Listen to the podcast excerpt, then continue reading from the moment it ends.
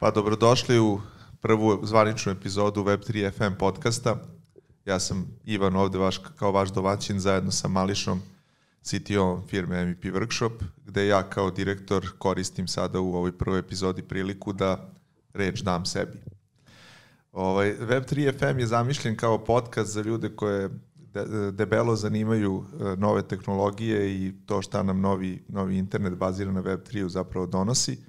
E, hteli bismo da u okviru njega dovodimo zanimljive sagovornike i da generalno imamo kroz to priliku da zajedno sa njima i sa drugim ljudima koji rade sa nama e, otkrivamo u kom pravcu zapravo Web3 ide i na koji način ćemo završiti ovaj, ovo putovanje svoje firme kao venture buildera u, u Web3. Iz tog razloga smo za ovu prvu pilot epizodu e, kako bismo maksimalno testirali sve limite naše opreme, jer smo je skupo platili da bismo ovaj podcast imali, odlučili da pozovemo e, čoveka, odnosno osobu koja nas je inspirisala da na ovaj put krenemo, koja nam je mnogo pomogla i vodila nas vrlo često kroz na, najteže trenutke naše firme. Pa da, kako da, da iskažemo zahvalnost, a i hvala ti što si došao ovaj, kao naš prvi gost. Uh, malo ljudi zna za tebe, u suštini odlučio si da ostaneš anoniman što je okej okay, da zadržiš svoju privatnost, ali ti si nam pomogao od samog početka firme i smatramo tebe jednim od najbitnijih Web3 influencera u našim životima, tako da dobrodošao. Evo znači ti da najaviš. Da, znači naš prvi gost e, u ovoj pilot epizodi, najzaslužnija osoba za postojanje MVP workshopa i za sve misli i ideje koje su u njemu nastale, naš gost Kazan Rakije. O, hvala, hvala momci, velika je čast biti ovde sa vama a, i diskutovati na, na ove sve teme koje ćemo, koje ćemo pričati i hvala na tako divnom uvodu. Ja kažem, ovaj, često imam tako priliku, barem tri puta nedeljno da gledam Ivana ovaj, na velikom ekranu kako obilazi sve moguće podcaste po regionu i konačno se nalazimo u istom studiju gde i oni konačno možemo to zajedno da, da diskutujemo i časkamo. Hvala vam puno na pozivu. Kako se osjećaš kad ti ono grade su slavu na podcastima, ti si mu dao sve odgovore. Pa meni je to okej, okay. Znaš, nekako se onako prirodno nadopunjujemo, ovaj, ja, ja to budem ovaj, anoniman, ovaj, Ivan uzme, uzme uh, te neke moje rečenice iz okrene potpuno, ovaj, ali to, to je baš neki onako prirodan tok.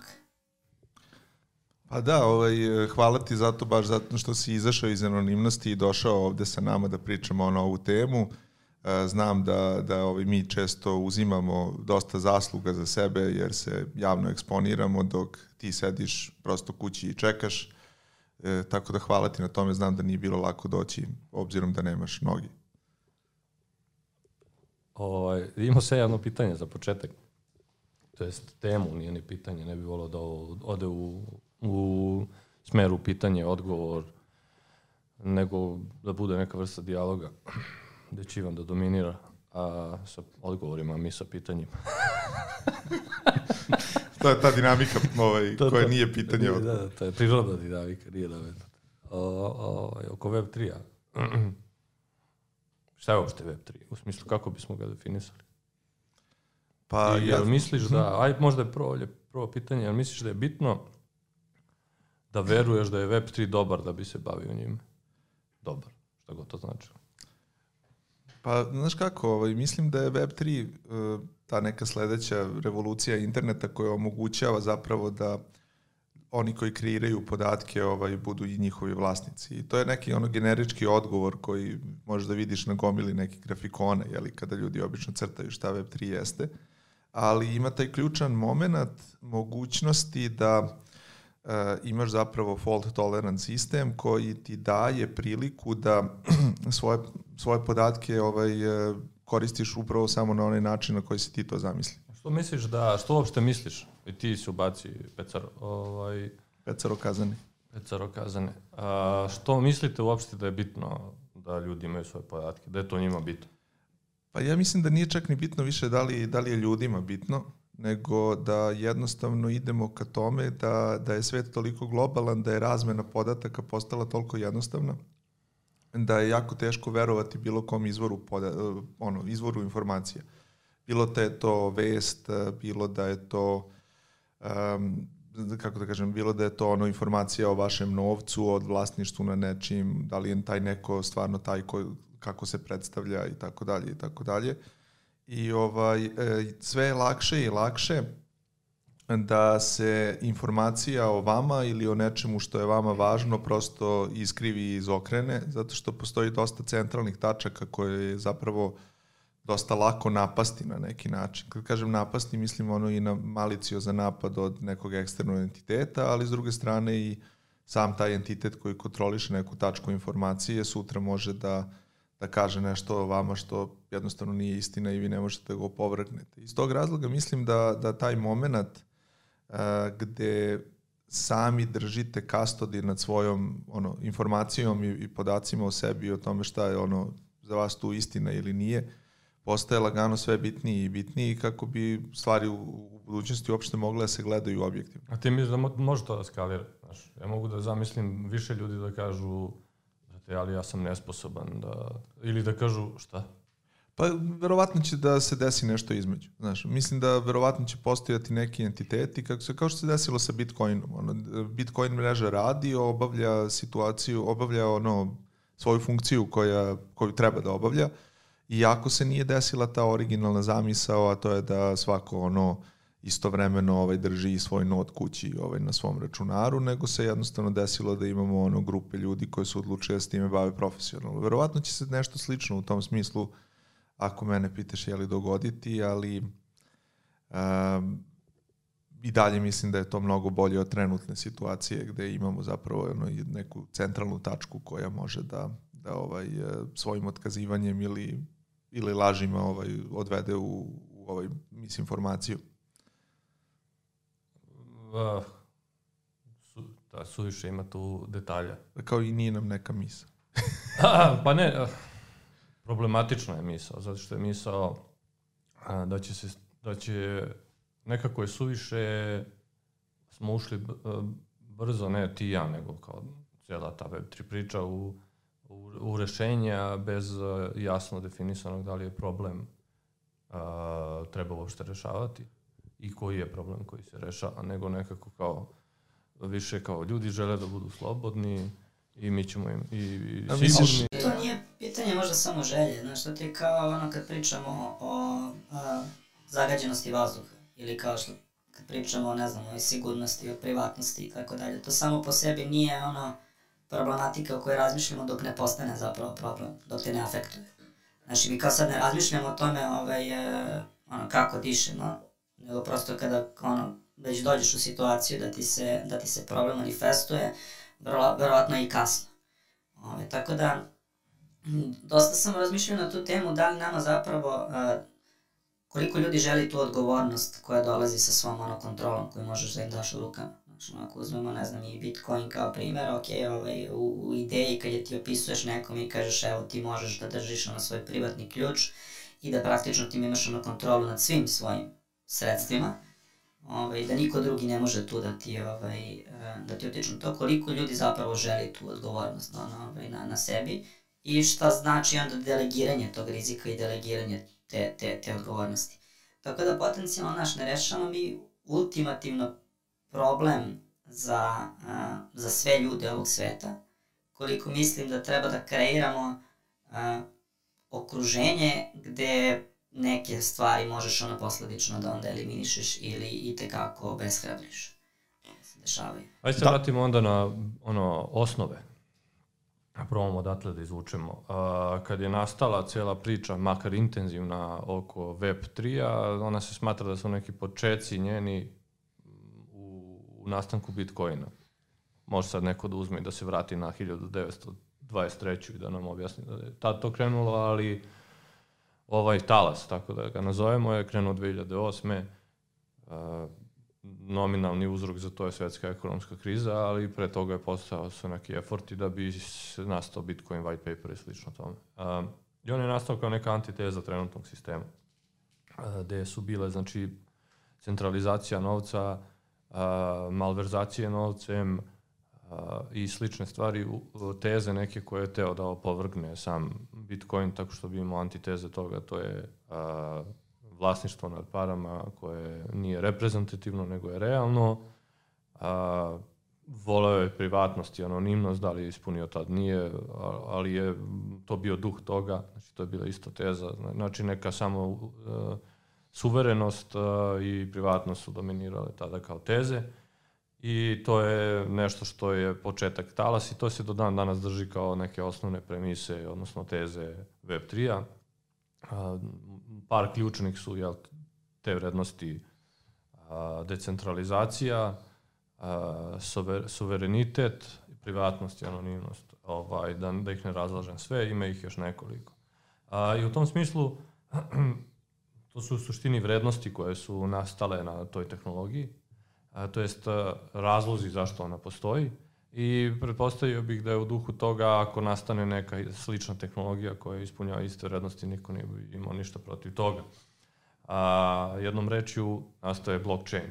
Um, E, postavlja se onda pitanje, a, ti možeš da definišeš Web3 na različite načine, možeš kroz, evo, rekli smo sad, vrednostni sistem i da kažeš Web3 je definicija, Web3 definicija se na vrednostni način definiše, odnosno pojam se definiše na vrednostni način.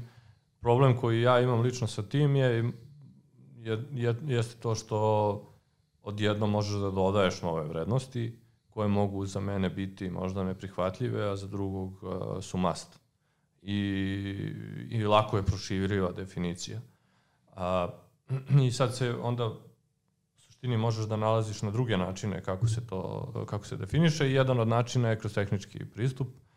A, blok, šta bi bilo najbliže tome, recimo da bi to bile kriptovalute.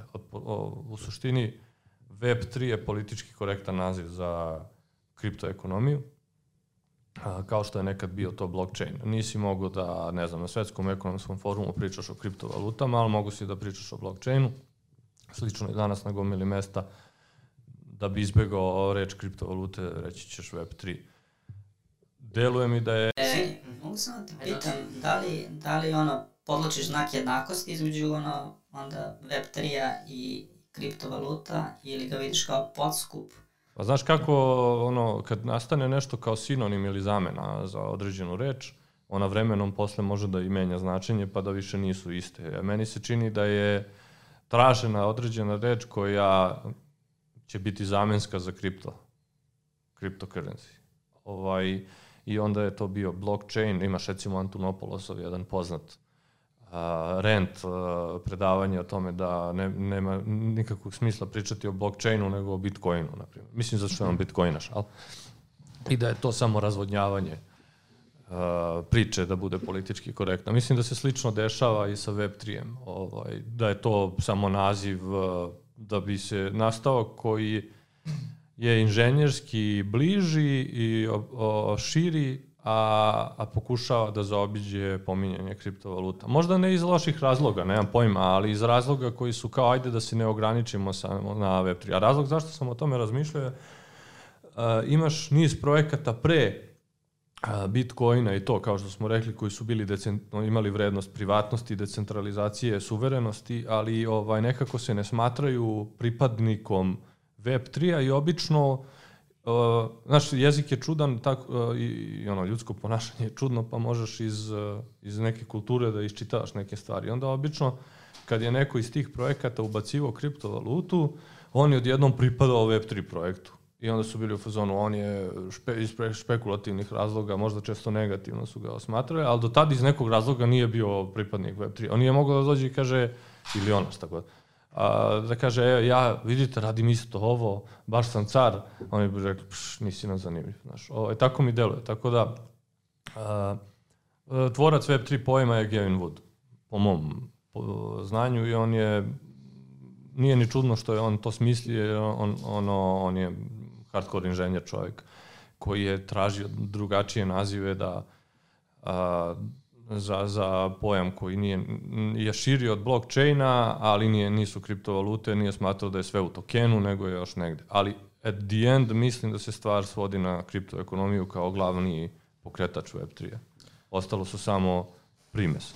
Pa da, mislim da imaš e, dosta veliki problem sa cijelom tom e, Web3, blockchain i, i kripto pričom, što postoji više izraza e, koji označavaju zapravo slične ili srodne tehnologije, a ni po čemu nisu isti i možda ne, ne zastupaju, kako da kažem, ni iste vrednosti, niti zapravo tehnološki rade na isti način, niti nude isti stepen privatnosti, decentralizacije, bezbednosti, ali se zovu istim imenom. Znaš, e, to je recimo meni dosta veliki problem i sa e, ovim permissioned versus permissionless blockchainovima, gde u suštini imaš e, sa jedne strane prave decentralizovane distribuirane sisteme koji obično ne mogu da rade bez nekakve kriptovalute zato što im je potrebna interna ekonomija jer su u potpunosti decentralizovani, e, distribuirani i ne zavise od third partija, pa samim tim moraju da imaju svoj ono sistem plaćanja i incentivizacije onih koji u sistemu učestvuju i neophodna im je kriptovaluta. Izvini što te prekidam, ali imaš kao sedam uh, nekih pitanja, zaborio sam kako se zove tip koji ih je smislio kao za svaku tehnologiju. I poslednje pitanje je, od tih sedam ključnih pitanja za, za bilo koju tehnologiju je ko je unintended, ko je neželjene, ne, ne, ne neželjene, ne znam koja je tačna reč, ali na engleskom je unintended consequences, koje je neželjena dejstva a, ova tehnologija prouzrukuje. I meni deluje da je recimo permission blockchain, a još par nekih stvari, ne, neželjeno, nego unintended. Znači, neko se dosjetio, pa čekaj kao, ovaj blockchain možemo da primenimo i na enterprise rešenja. Meni je to interesantno, zašto ti kad pogledaš ono blockchain kao ta ideja i čak i reč i slično, postoji, ja mislim, od 90.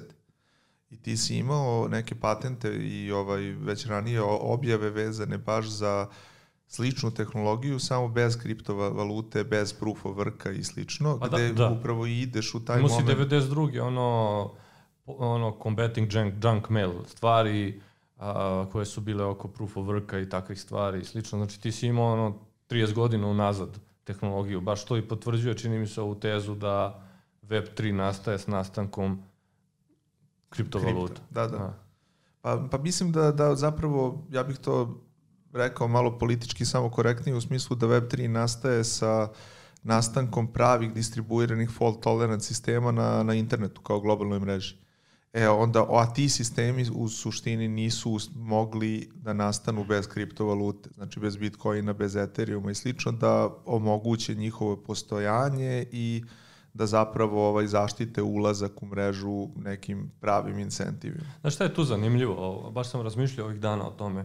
A, imaš kriptovalutu kao što je Bitcoin, a, za koju svi mislimo da je dovoljno suverena da ono ako bi se udružile a, određene vlade sveta i rekle promenit ćemo ovu transakciju da se nije desila, one realno to ne bi mogle da urade. U tom smislu je ona kao suverena mreža. Znači ti imaš prvi suvereni kompjuter na svetu koji niko ne može da obori. Što je dosta, I na njemu si odlučio da staviš novac. A, to je dosta jaka misla. Znači, a Ethereum je to generalizovao i rekao je možeš bilo koji novac, možeš ti da imaš svoj novac. I ne I nik... samo novac, nego... A bilo šta. E, i, I sad, i to je dosta jaka misao i mislim da je to početak nekog Web3-a gde su ljudi osvestili da mogu da imaju suvereni kompjuter koji je decentralizovan, bla, bla. Ja, a, a, a, da, a, Mnogo mi se pitanja sa tu mata. Prvo, da, ono što mi je u glavi, to je da li da li misliš da uh, ono, Web3 neki use case može da postoji bez da obuhvata token ekonomiju?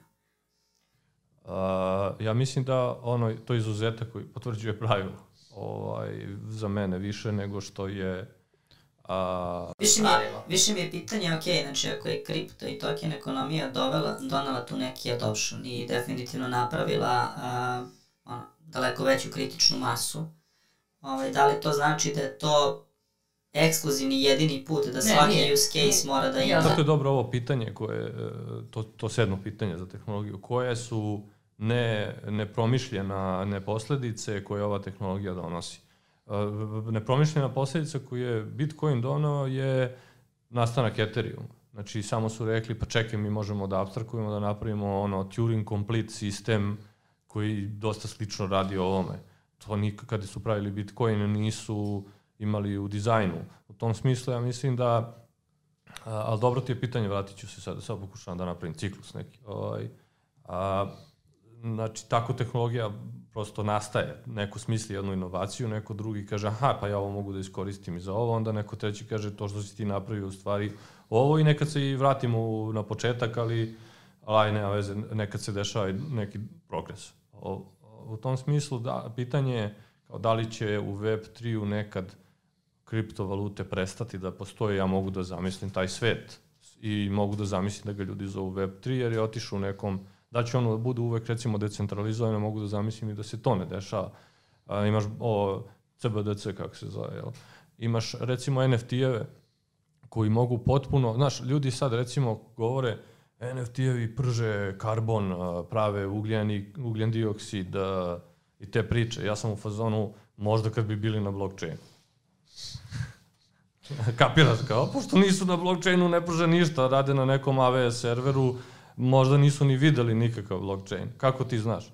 Znači, ljudi su u Web3 ulože se na NFT-eve, njima ništa ne znači, mislim ne znači ništa, ajde sad malo ga dramaturški prikazujem, ali većini, većina nije u fazonu ja želim da budem vlasnik ovog NFT-a i da niko ne može da ga mrdne nigde. OpenSea može da ti mrda NFT kako hoće da ti ukine pristup. U tom smislu, a to je i dalje kriptovaluta, da tako kažem, NFT. A, u tom smislu mogu da zamislim da se izgube određena svojstva NFT, uh, Web3-a lakše nego da se izgubi sam taj kripto moment. Ja sam, Web3 je da, da, i da, da će taj kripto deo da uvek pripada Web3, a ovo što sad ide bez kriptovalute će se zvati nekako drugačije. To mi je bliže nego da kažem ne, mogu da zamislim Web3 da nema kriptovalute,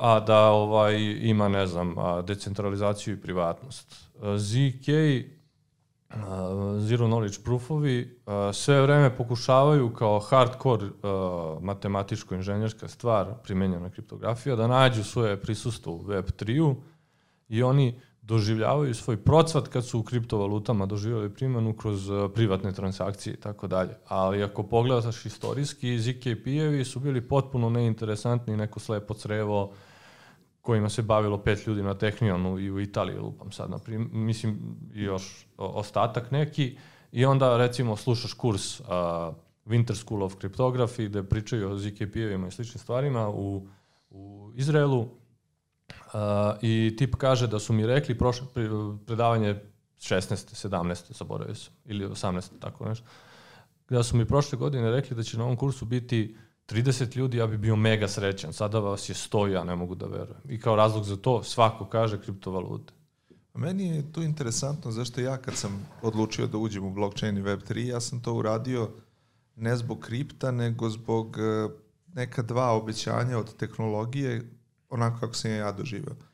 A ta dva obećanja su bile sa jedne strane distribuirani fault tolerant sistem na globalnoj mreži, odnosno na internetu, znači sistem koji je inherentno bezbedan od napada na neki način, jer sam, ovaj, možemo o tome pričati posle ovaj, iz raznih razloga, verovao da trenutni internet ne može dugoročno ostati bezbedan od napada.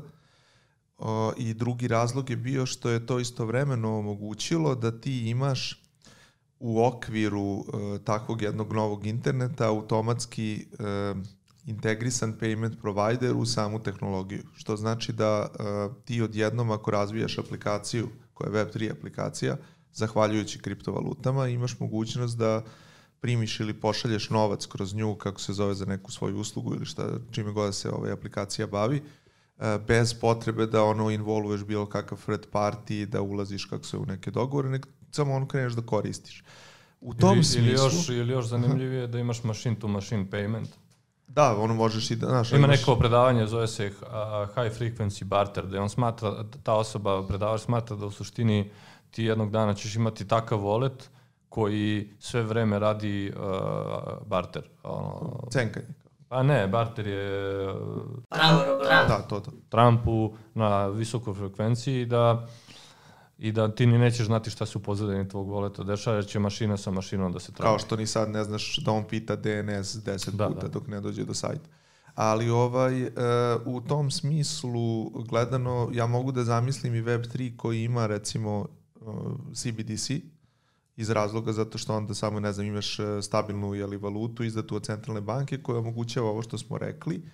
Jedino što ne znam da li to, to je ono što sam rekao, znači to je, e, to je totalno drugačiji onda sistem gde ne postoji želja da se ono prepusti e, vlast nad nečim, jer centralna banka i dalje želi da kontroliše valutu, jer to je vrlo često poenta. I ovaj, e, da bi ona ostvarila svoju svrhu, a to je ono uticaj na lokalnu ekonomiju kroz pomeranje vrednosti valute ili održavanje... Drugim rečima hoćeš da kažeš da je moguće da doživimo još veću centralizaciju kroz nove tehnologije pa koje se bore. Pa ne, pa gledaj, da. AI i machine learning su po prirodi veća centralizacija kako se zove, uh, blockchain kao nudi, da kažem, decentralizaciju, ali ako gledamo ovim permission chainovima i slično, uh, kad si ovo rekao, znaš, mogu da zamislim da u budućnosti zovemo uh, Web3 nešto što je centralizovano, ja isto tako mogu da zamislim CBDC-based payment system koji kontroliše, jeli, centralna, centralna banka, kako se zove, koji je u suštini konzorcijumski lanac koji ima neku svoju kriptovalutu, ali ta kriptovaluta je u suštini samo digitalna valuta te države i samo je ceo proces efikasnije efikasnije izveden, gde sa druge strane i dalje nisi dobio ono što je Web3 u početku hteo da postigne, a to je taj moment da jednostavno ne postoji centralno telo, bilo kontrolisano od dobrih ili loših momaka koje može da slučajno ili namerno utiče na ceo sistem.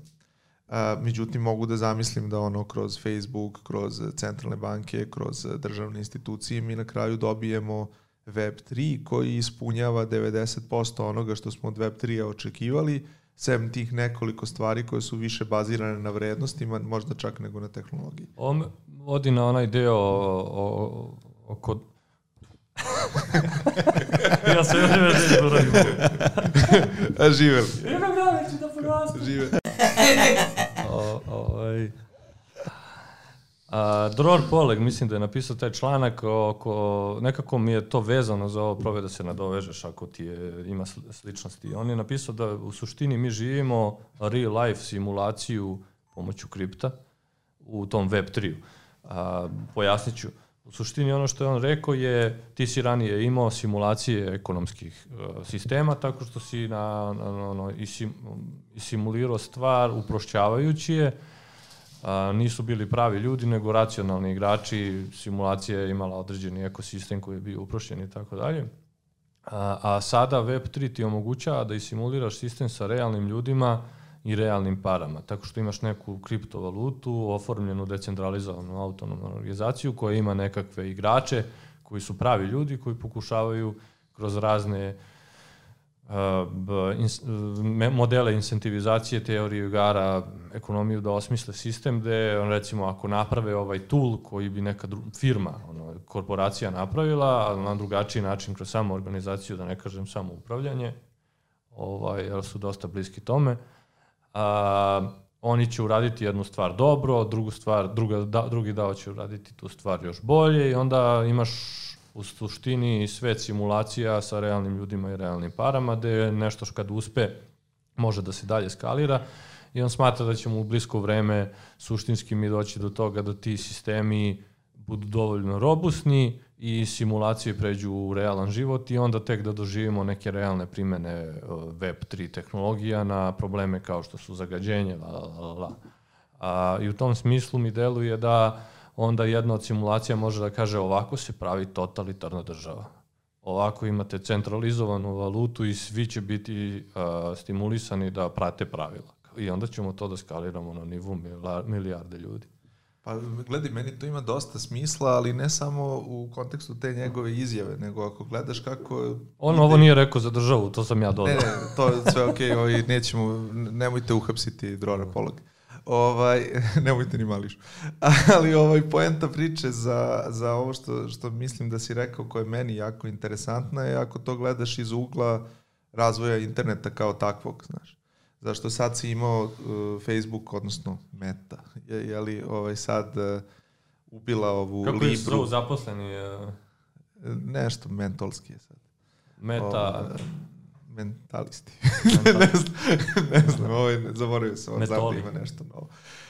ovaj, u svakom slučaju, Facebook je sad ubio ovaj Libera, odnosno DM projekat koji je suštinski konzorcijumska valuta, ono, kako da kažem, ono, konzorcijumski tehnokratski novac. I sad uh, ubio je taj projekat. Pre toga su imali onaj projekat otvorenog interneta gde su hteli da u Africi, kako se zove, daju ljudima besplatan internet za Facebook, Instagram, Whatsapp i slično, da bi uvukli još korisnika koje mogu da, jeli, da eksploatišu na drugi način. Pre toga su jeli, kupili Instagram, pre toga su Uh, već sam zaboravio, pisam par, ono, jedan ili dva članka na tu temu, ovaj, propalih Facebookovih ovaj, pokušaja da ima svoj novac. Da, imali su i ono... Imali su i pre Libre, jest, da, zaboravio pre... sam kako se zove. Zaboravio, da. Davno, nešto, da, neki, Facebook coin, ili ne sećam se. Da, da, ne, nek, neko isto glupo ime, ovaj, tako je bilo, ovaj, uglavnom, uh, da, ima jedno 15 godina kako su probali da imaju novac jeli, za plaćanje unutar Facebooka i nije uspelo.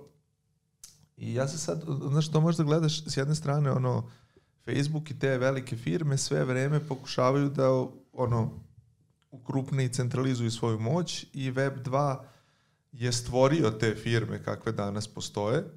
Uh, one su trenutno u fazi konsolidacije gde jednostavno idu okolo, kupuju druge projekte, bilo da su to neki inovativni startupi ili neke već postojeće firme i ti čak i da imaš ono 50 brendova na internetu, vrlo često kako se zove možeš da onda odeš u pravcu toga da ćeš imati tri firme koje su, ili tri ili četiri firme koje su vlasnici svih tih brendova. Tako da e, koliko god da ono imaš novih proizvoda na Web 2 zapravo imaš verovatno ova četiri igrača, jeli, Facebook, Google, Amazon, Apple koji stoji za svih njih i interkonektovani su na neki način.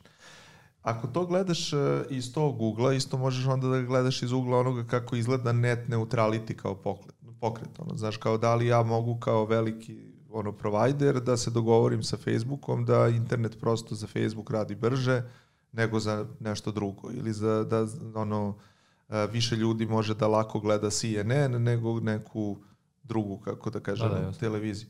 I onda kad to gledaš tako ja, ja bih rekao da je uh, Web 2 i Web 1 i Web 2 su omogućili apsolutno globalnu mrežu za razvoj informacija, ali imaju i te ono struje i tendencije koje te vode u konsolidaciju moći na jednom takvom sistemu. I sad uh, u Web 3 imaš tu ideološku podelu koja je više u smislu da li mi preslikavamo Web 2 sa novim dodatnim mogućnostima za plaćanje, interakciju, interoperabilnost i mhm. bezbednost, mm -hmm. što je ovo što bi korporacije volele da rade, za sada donekle neuspešno, zašto mislim da su ti ovaj permissioned chainovi zapravo glupost, ovaj, za sada čak i tehnološki, ovaj, u to možemo posle, ali ovaj, e, nevezano za taj ideološki moment da oni prosto žele da nastave ono istoriju interneta kroz konsolidaciju moći i kroz sutra potencijalnu mogućnost da ono ne znam net neutrality se zapravo desi jer kad pogledaš ono zapravo koliko god da je na primjer Ethereum ono decentralizovan, distribuiran i super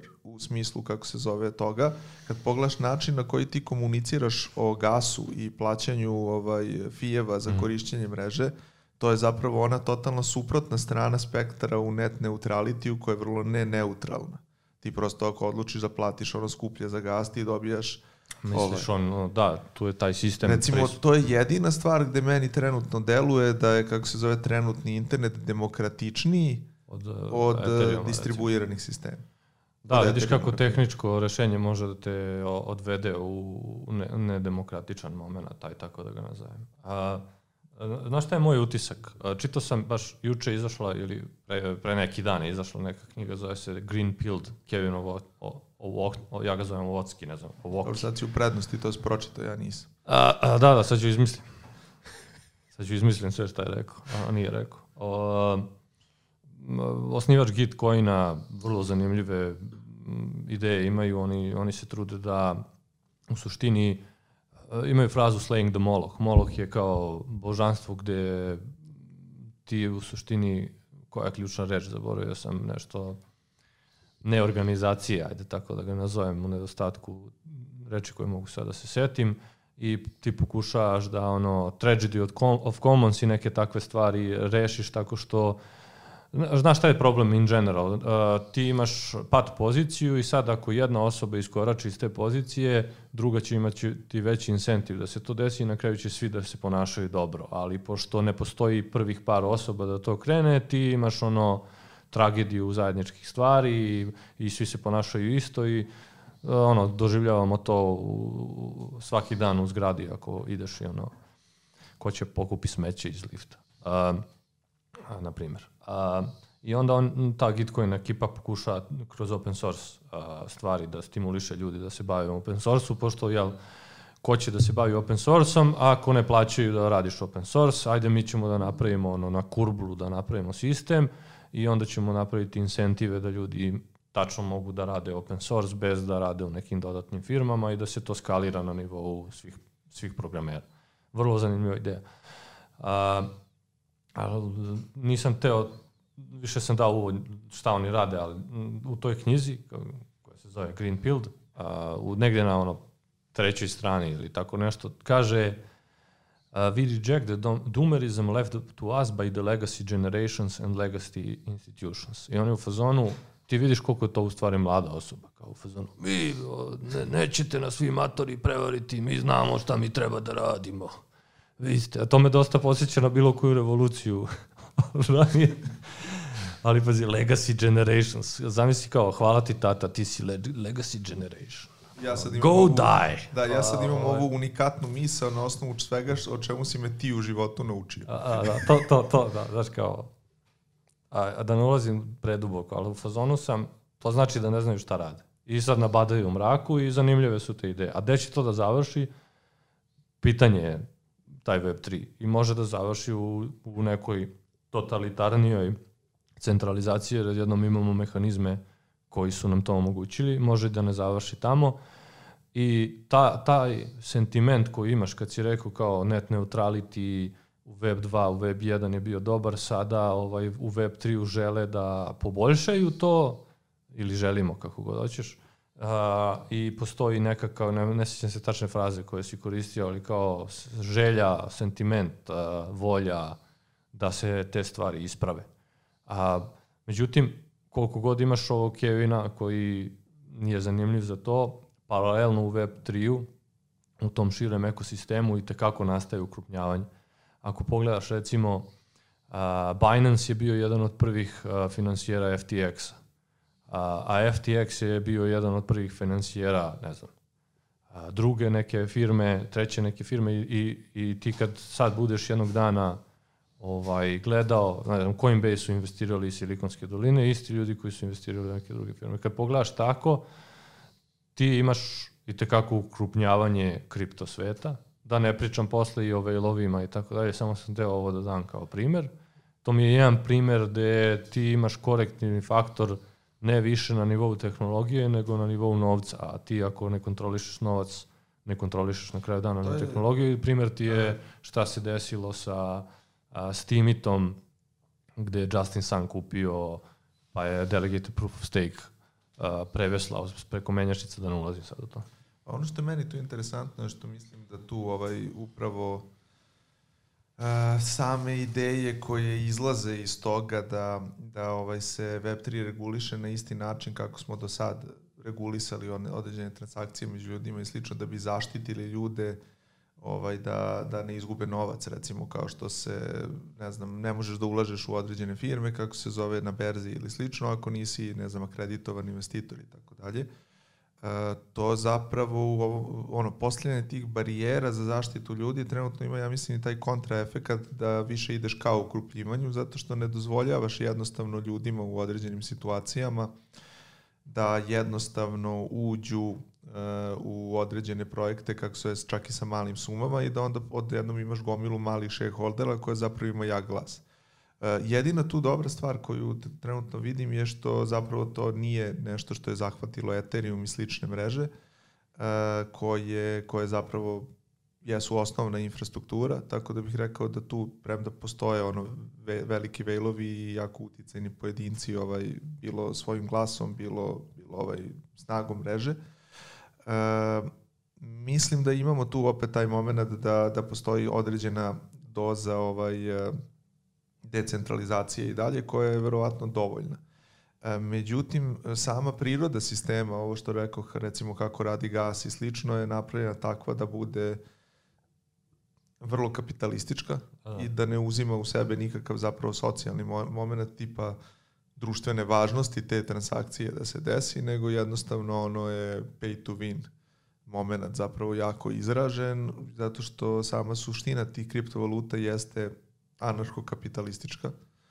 Uh, I ako nisi ono anarcho-kapitalista, ovaj, što ne kažem da je loše biti, ali ovaj, ako nisi anarcho-kapitalista, onda imaš taj moment da verovatno želiš da imaš tu neku socijalnu komponentu kontrole i jako je veliko pitanje kako možeš da je ubaciš u potpunosti distribuiran sistem na nivou tehnologije. Zato što to bi značilo da ti moraš ili da, da ono iskodiraš nekakav sistem koji je zapravo rešio sve ljudske odluke ikada ili će da raste zajedno sa ono promjenom sveta i ljudskih odluka ili znači da ćeš da svedeš ljudske odluke na, na ono taj sistem odnosno postojaće tri ono moguće načina ponašanja i ovaj ti ćeš morati u svakom trenutku da izabereš, nećeš moći ništa da promeniš, nećeš moći da imaš ovaj svoju odluku u tom kontekstu i slično. I ovaj, to mislim da su obe, obe te ideje iza tog nekog kod i zlo pokreta u stvari opasne. Jedna zato što verovatno ne možeš da je uradiš, a druga iz razloga zato što ono svodi čoveka na mašinu. Ne znam kako ti to gledaš. A, pa, ima ono, ne sjećam se više ko je to rekao, ovaj, a, na nivou uh, nikad neće, uh, human to all, mislim da je tako nešto bilo, to ne znam da postoji dalje taj pokret.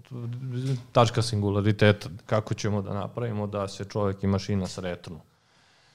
I onda sam ja bio dugo sta, pa ne možeš ti to da uradiš zato što je čovjek, ono, bavio sam se slobodom volje i slobodom kao konceptom na filozofskom nivou i bio sam u fazonu čovjekova sloboda je nesvodljiva na, na algoritam, a da ne ulazim sad da se slažemo. Pričam samo šta je bilo moje mišljenje.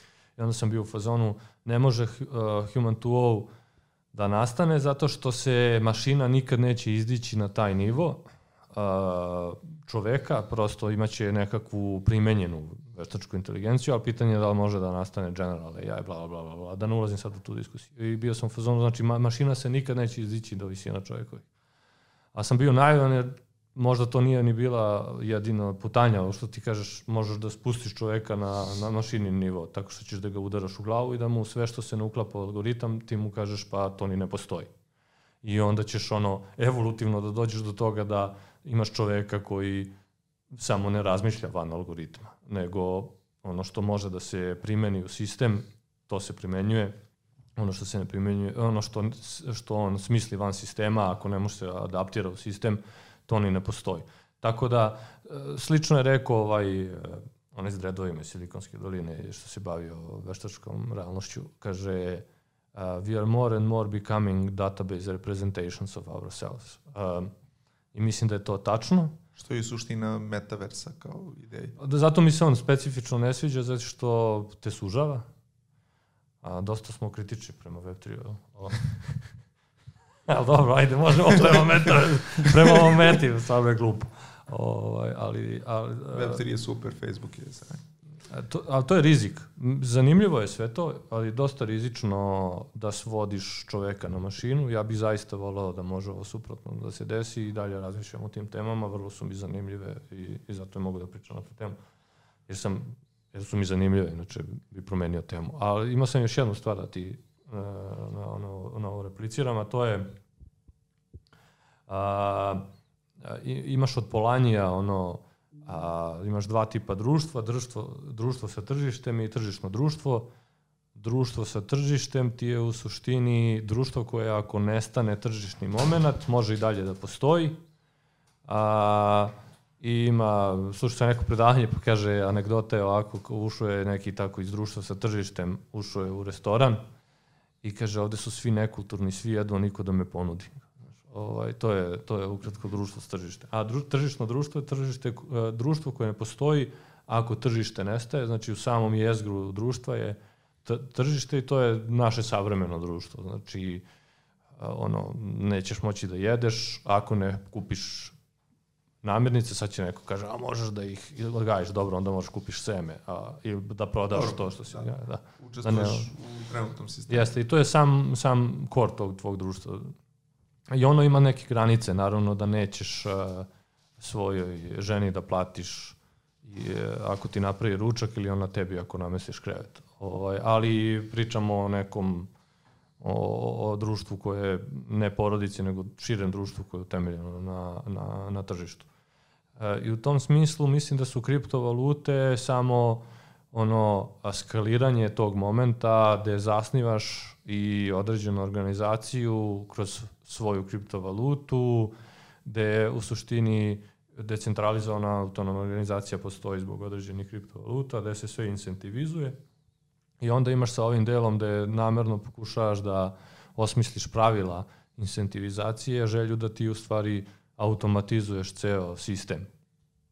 A, znači ti imaš sad i kriptovalutu i želiš da napraviš pravila kako neko zarađuje kriptovalutu i ako bi bilo idealno da staviš taj kod na, na, na sam sistem smart kontrakta, to bi bilo super, nema šta da se razmišlja. Jedini problem je ovo što u suštini ne, ne daleko da kažem ljudska sloboda, ali samo to što u prirodi je organizacija da se menja, što znači da ne, pitanje je da li bi ti stizao da automatizuješ sve koliko, kojom brzinom se menja i to baš i dao i svedoče koji imaju ogroman problem, ne da automatizuju, nego uopšte da znaju šta oni rade danas. O, ovaj, i, tako da su oni otišli u drugi ekstrem, ne da se nisu automatizovali, nego ono danas ne znaju šta će da urade.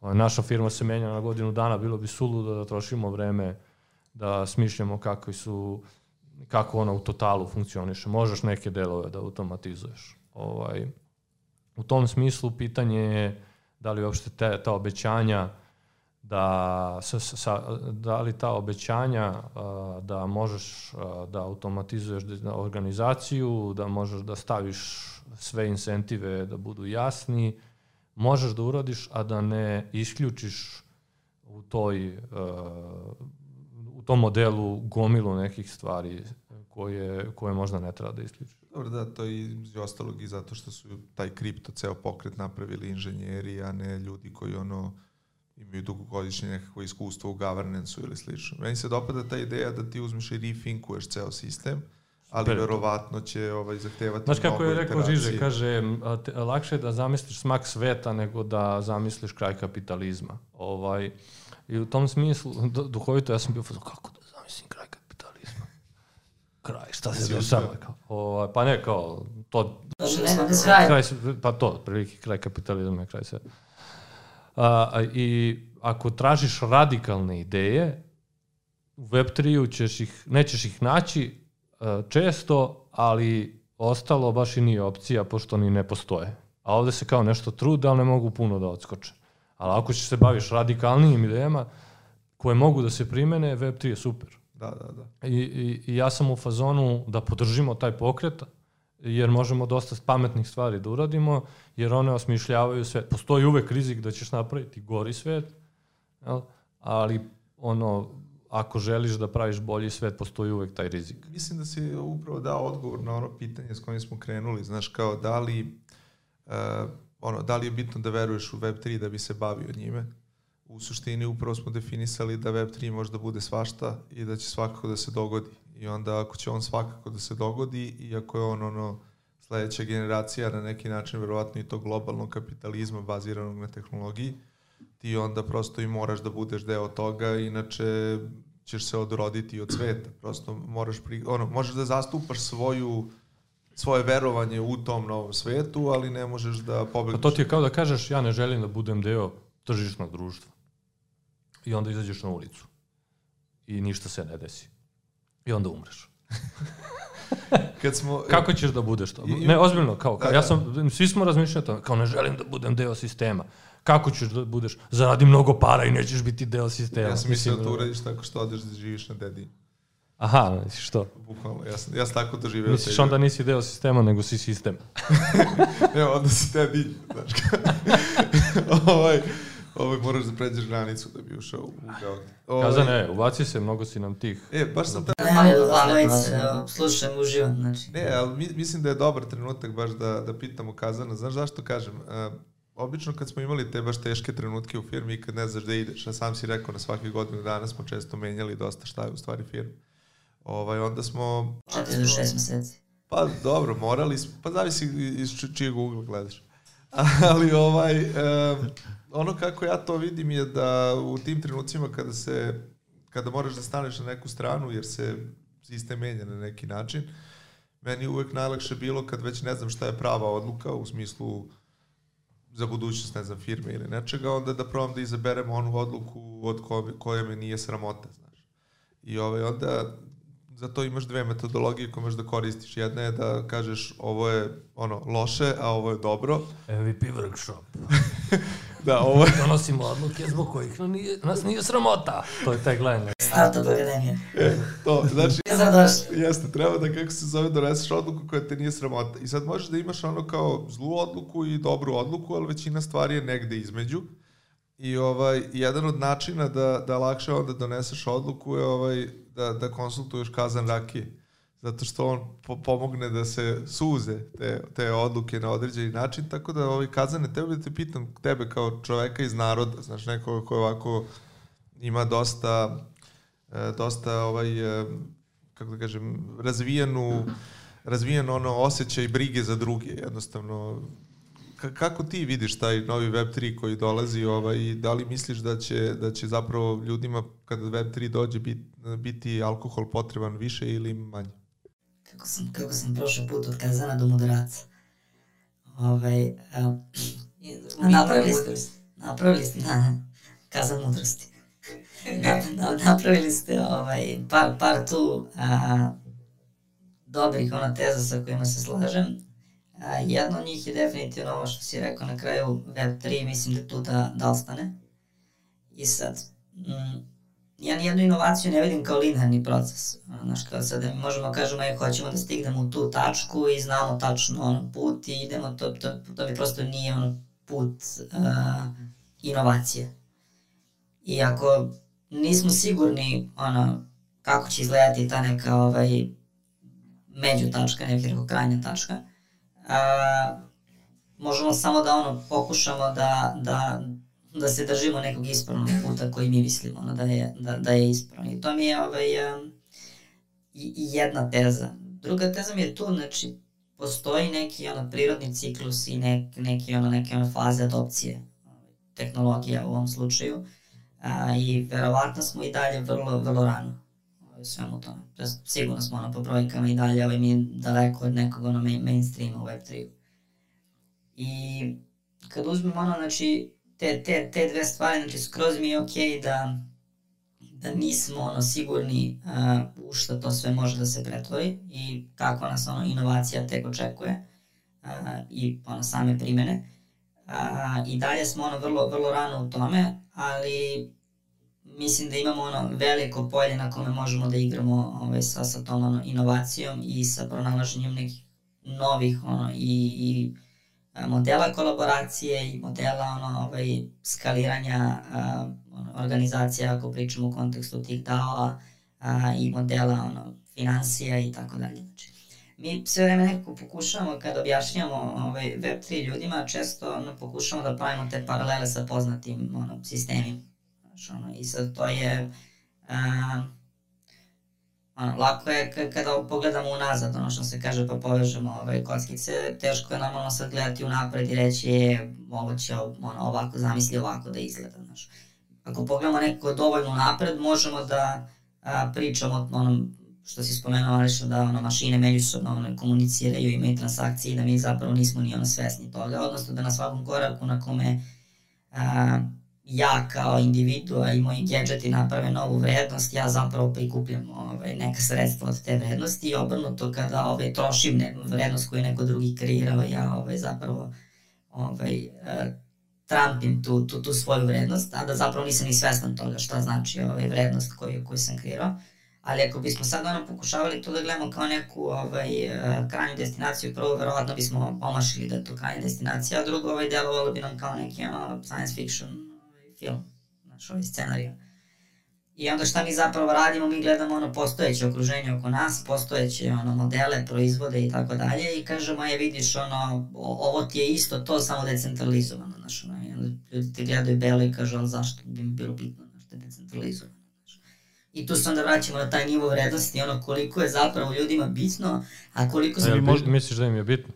A, na, na svesnom, ono, i na, na, na svesnom nivou nije, kažem, dok ne udari, dok nešto ne, ne postane ono zapravo bitno. Znaš, mi smo ovde, ajde da, da se vežemo na ove ono prostore, znaš, ti si imao situacije da ljudi ostanu a, ono, bez svega u ratovima, sankcijama, poplavama, zemljotresima i tako dalje. Znaš, i sad ti da odeš ono nekome a, u ono, Americi da pričaš o tome, ovaj, verovatno je to ono potpuno abstraktna tema.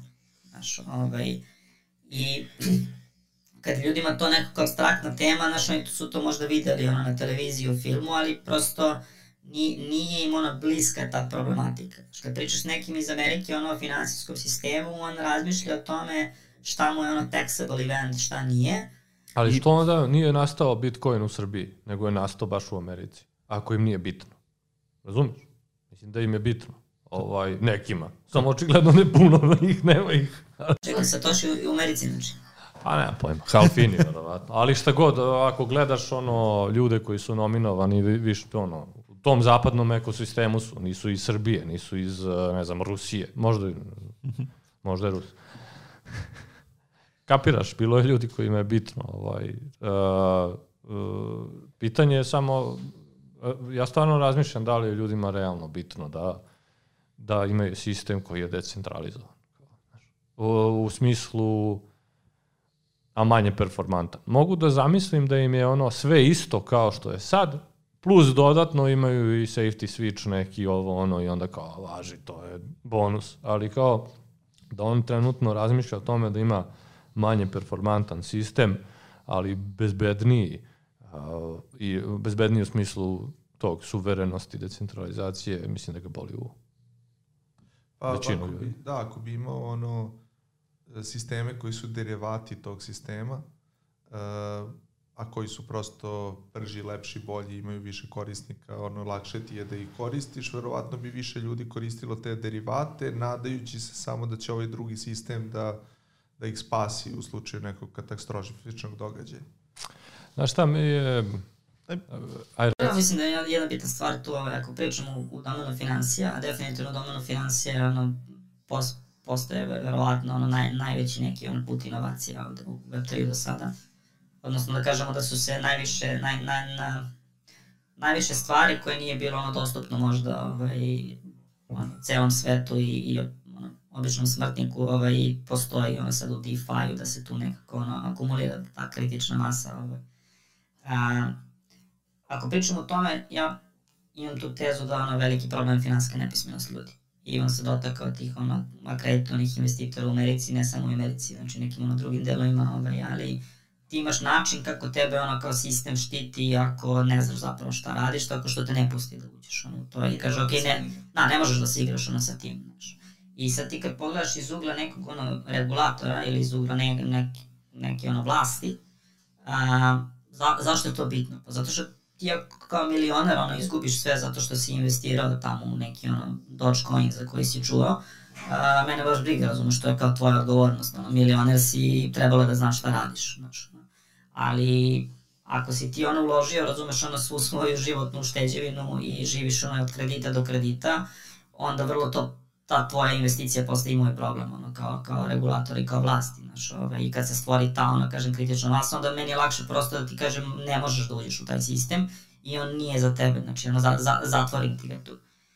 I... Da, to možda Nisam baš gledaš- siguran da oni rade da zbog dobrobiti ljudi koliko bi ih smaralo da im dođe 5000 ljudi da ih smara da su pokradeni. Pa da, da. Ovako nemaš, upravo- To, to, to, hiljada mi- milionera. da, to mi je teza. To- imaš ono, samo da, imaš mnogo ti je- sirotinje koja bi bila u fazonu vratite nam pare. Ja sam, to uvek doživljavao. Mislim što je Da, mo- mislim da ne rade to jer su dobri prema njima, Ne, nego naravno. zato što ih ima 5000. Ne, ali gledaj, to, to, ti je, to ti je dosta arbitrarna granica. Znaš, to ti je kao da kažeš ono, ove stvari ne smiješ da radiš pre 18. ili 21. godine, uh, kako se zove, ali smiješ da ih radiš nakon 18. ili 21. iako si možda jednako glup kao i pre toga. I plus, uh, možda nikad nećeš napuniti 18 ili 21. I onda kad to gledaš iz tog ugla, znaš, onako malo je, dosta je arbitrarno to, to po meni postavljeno i ovaj zahteva da ti sam uradiš nešto što te sistem nikada ne tera da ti uradiš, a to je u stvari da naučiš da kontroliš novac i tako dalje i tako dalje. Ali ovo je interesantno kad se već dohvatili ove Web3 u, u Americi i svega ostalog, evo sad smo krenuli da imamo kripto kao glavnog sponzora i vlasnika jedne ono košarkaške arene. Krenuli smo da ga imamo kao... Bilo je na slagalici pitanje kad je e, Staples Arena postala a, Crypto.com. Arena, bilo je pitanje kako se zove u Los Angelesu ova dvorana da igraju Lakers i, ove, i, i tačan odgovor je bio Staples Arena, teo sam da ih zovem, da kažem, nije, Crypto.com arena je.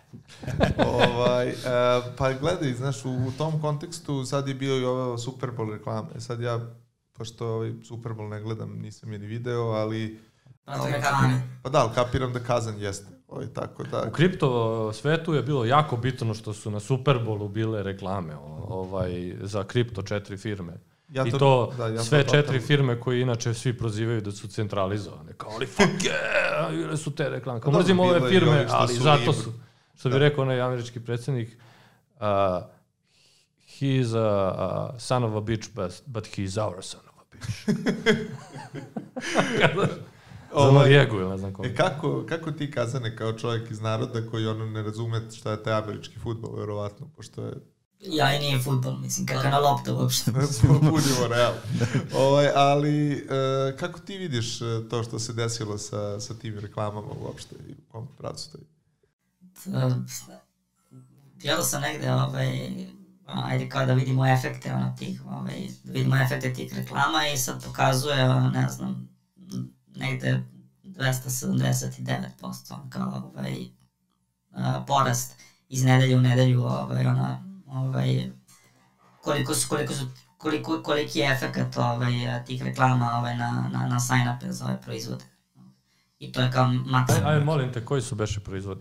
Imamo FTX, imamo eToro, imamo Crypto.com I Coinbase? uh, i Coinbase. Četiri menjačnice, četiri exchange.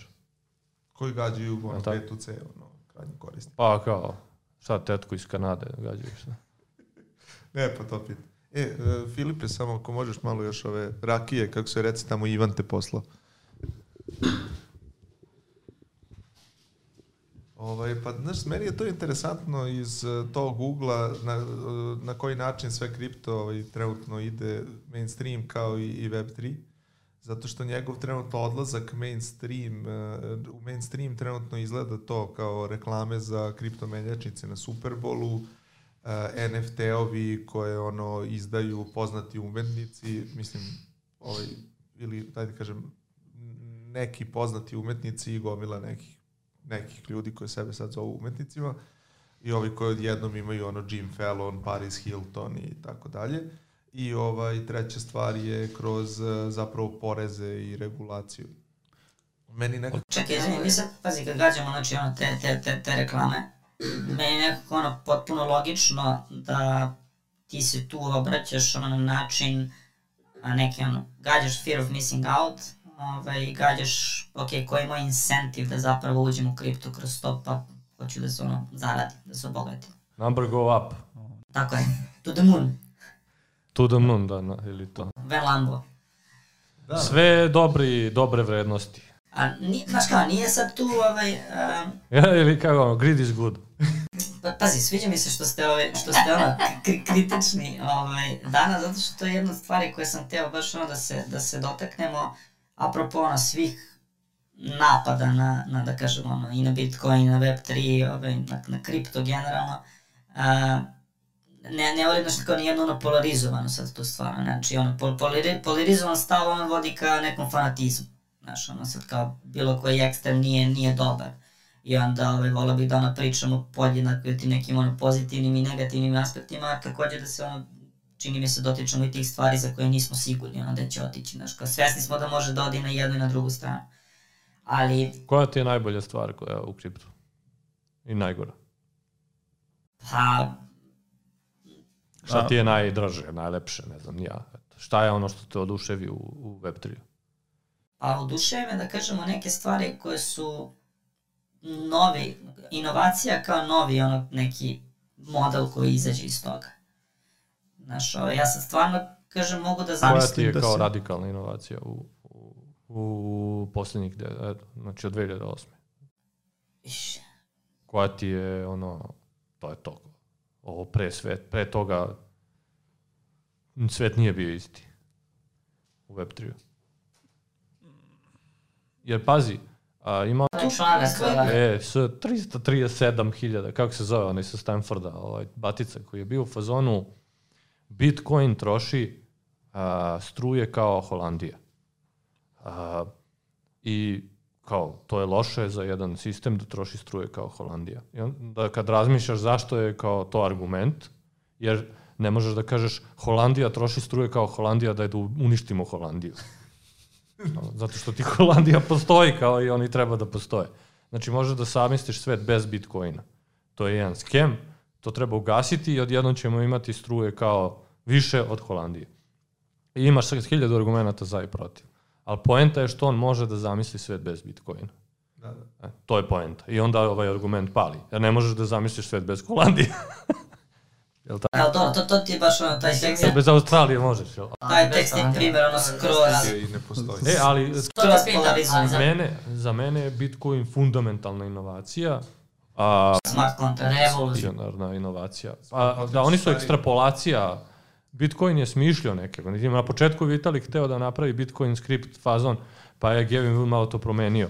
Ali poenta je bila iteracija na Bitcoin. Ako ja bi nešto smatrao da je radikalna inovacija za svet koji do juče nije bio, to je nastanak Bitcoina, jer je odjednom si mogao da imaš novac koji ima gamifikovana pravila i ne postoji način da ti to lako promeniš, ta pravila, a, a same bivše transakcije nikada.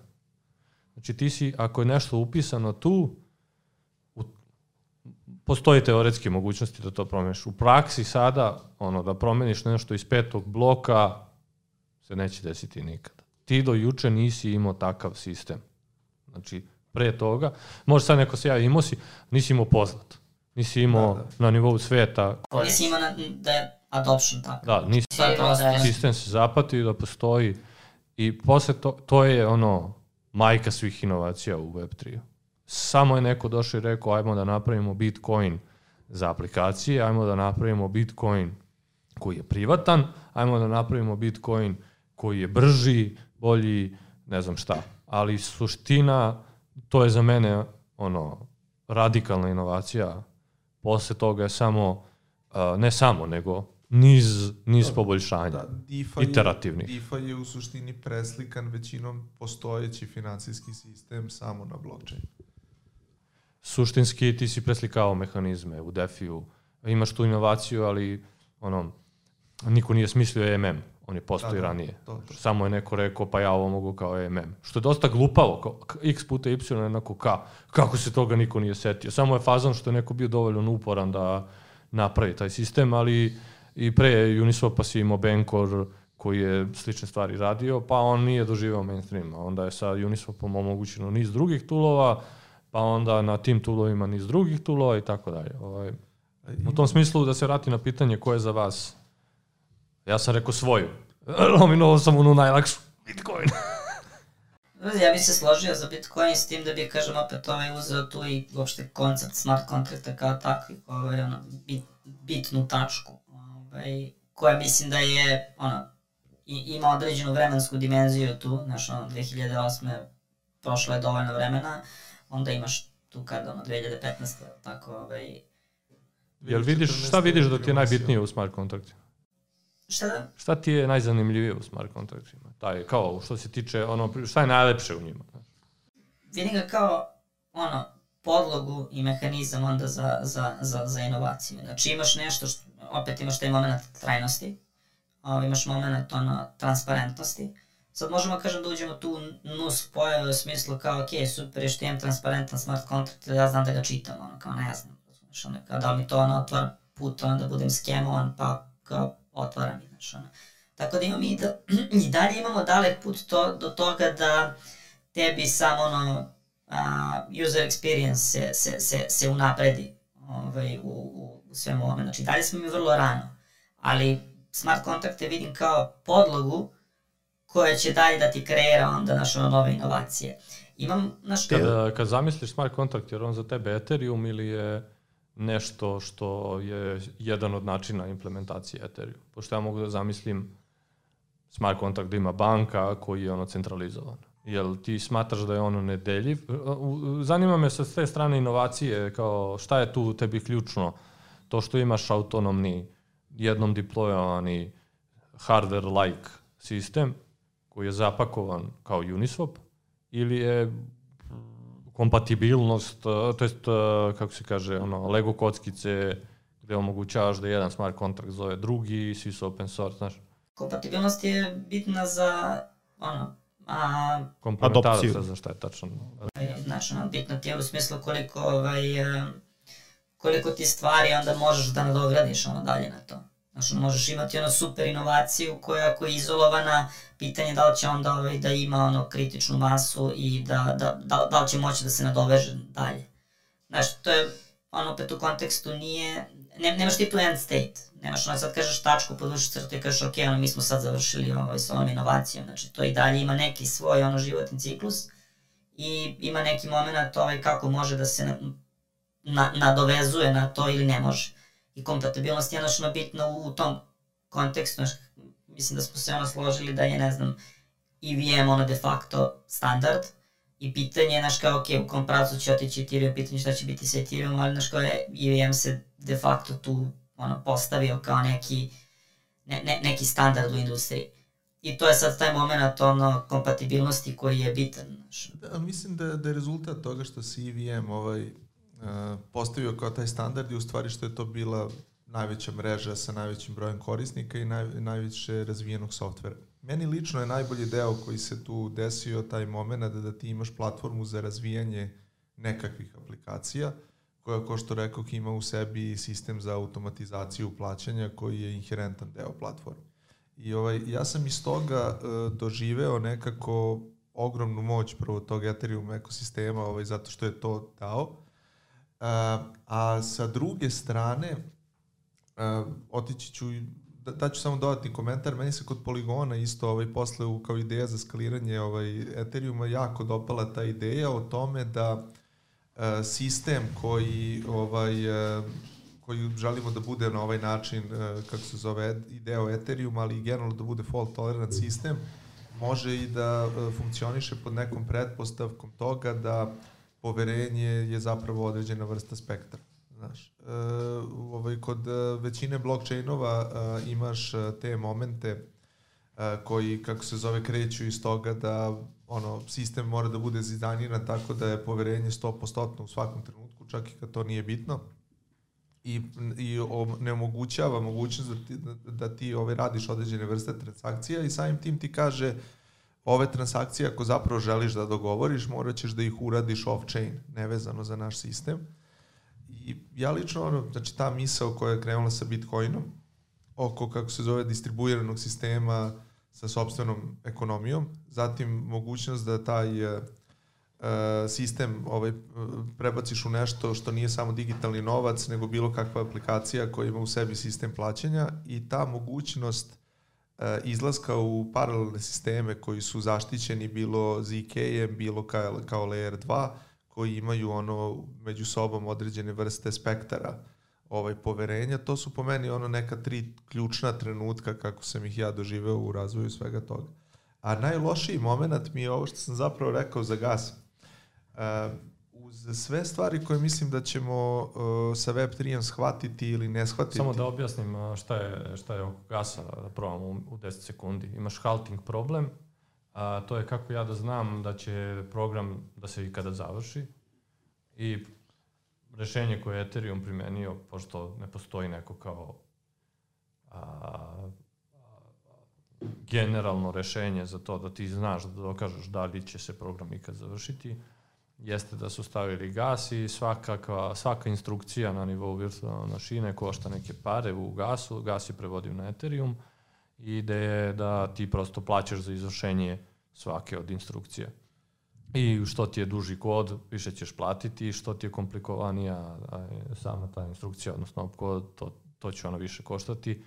I ako sad želiš da stimulišeš nekoga da prvo tvoju transakciju izvrši, odnosno tvoj set instrukcija u odnosu na ja da brže završim svoju transakciju od tebe, ja ću da dam veći fees za svaku, za svaku od tih transakcija, ovaj, stimulisat ću gas price da je veći. I onda samim tim ja uvek mogu da upadnem preko reda.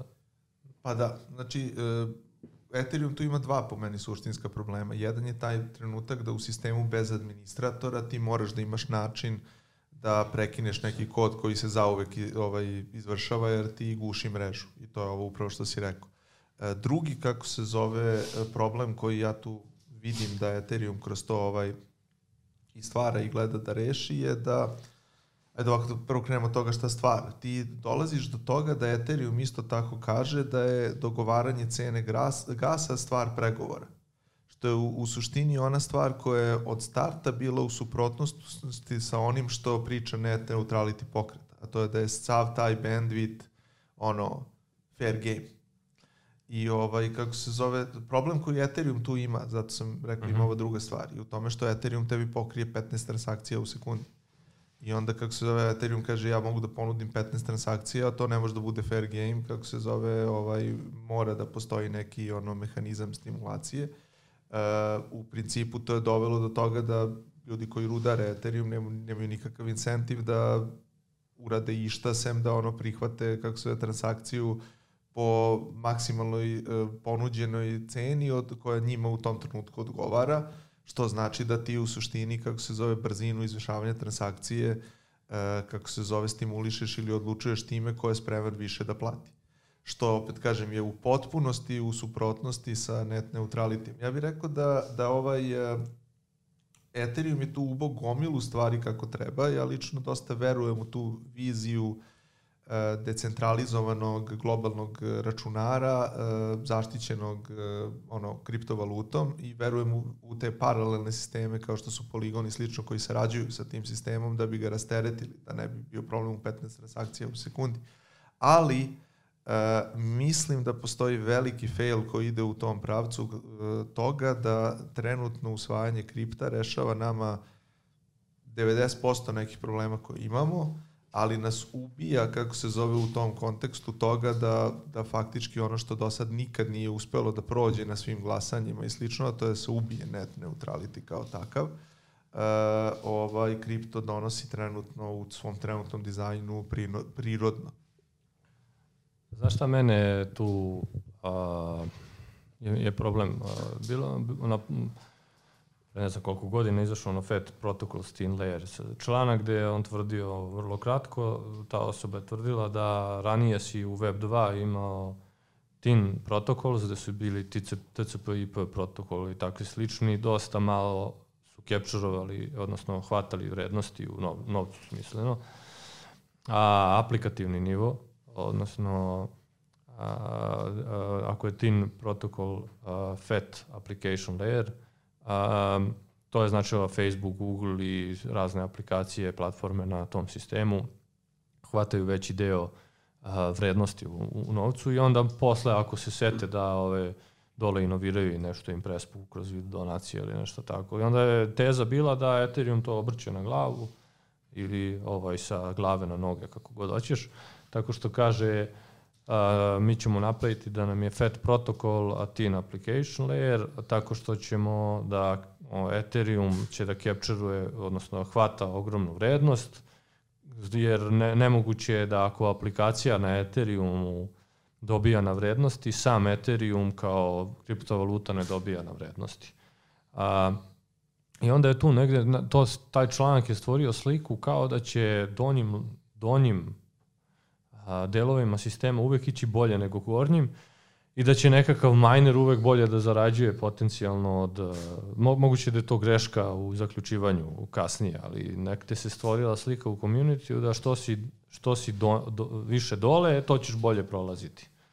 A onda se to realno nije desilo, nego je krenulo gomila gornjih firmi, aj tako da, aplikativnih firmi da kupuje firme na donjem delu steka, tako što je, ne znam, Celsius kupio mining uh, tako što je Coinbase kupio Bison Trails koji su operatori za mining i tako dalje i tako što su oni znali kako da utilizuju donje delove steka da im donesu bolji yield.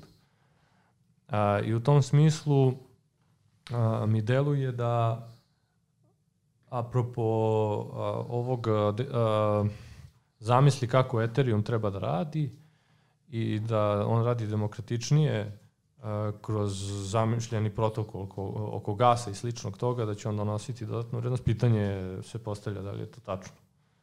Ovaj, mali komentar. Ali, opet tu sad je napravimo na neku paralelu. Nisi odgovorio, nemoj da izbjegavaš šta je najgore. Najgore. Kazane. Ja nisam isto rekao, ali... Ukni. T, pa, Šta je prvo najgore? Ti pada na pamet? prvo što mi pada su, ono, skemovi koji se, ovaj, de, de, dešavaju. Znaš, kao ono, nus pojava, ovaj, i sad, e, znaš, ono, razmišljam o tim nekim, ono, ekstremnim situacijama, ono, gde, gde, gde ljudi opet, ono, ostanu, ostanu bez svega, znaš, ono, na, na vrlo lak način. A, tako da, ta, s jedne strane ona on, anonimnost ili ono pseudo-anonimnost ovaj, uh, ono, otvara, otvara prilike i za, i za, i za skemove kao tako. Znaš, Ja vidiš, ja vidiš, nikad nisam skemove ovaj, doživeo na taj način u potpunosti iz razloga zato što ih nisam doživeo kao nov problem. Uh, ti imaš više skemove u Web 1 i Web 2 svetu i na kraju dana ti ljudi su i pre, pre Bitcoina jako uspešno izvlačili pare. U tom smislu, hoću da kažem, nije da, ni- nisam ih u stvari doživeo kao nov problem, samo na, za novo tržište, za naivne ljude koji ne razumeju tematiku. ja šta je najveći problem. Rusija.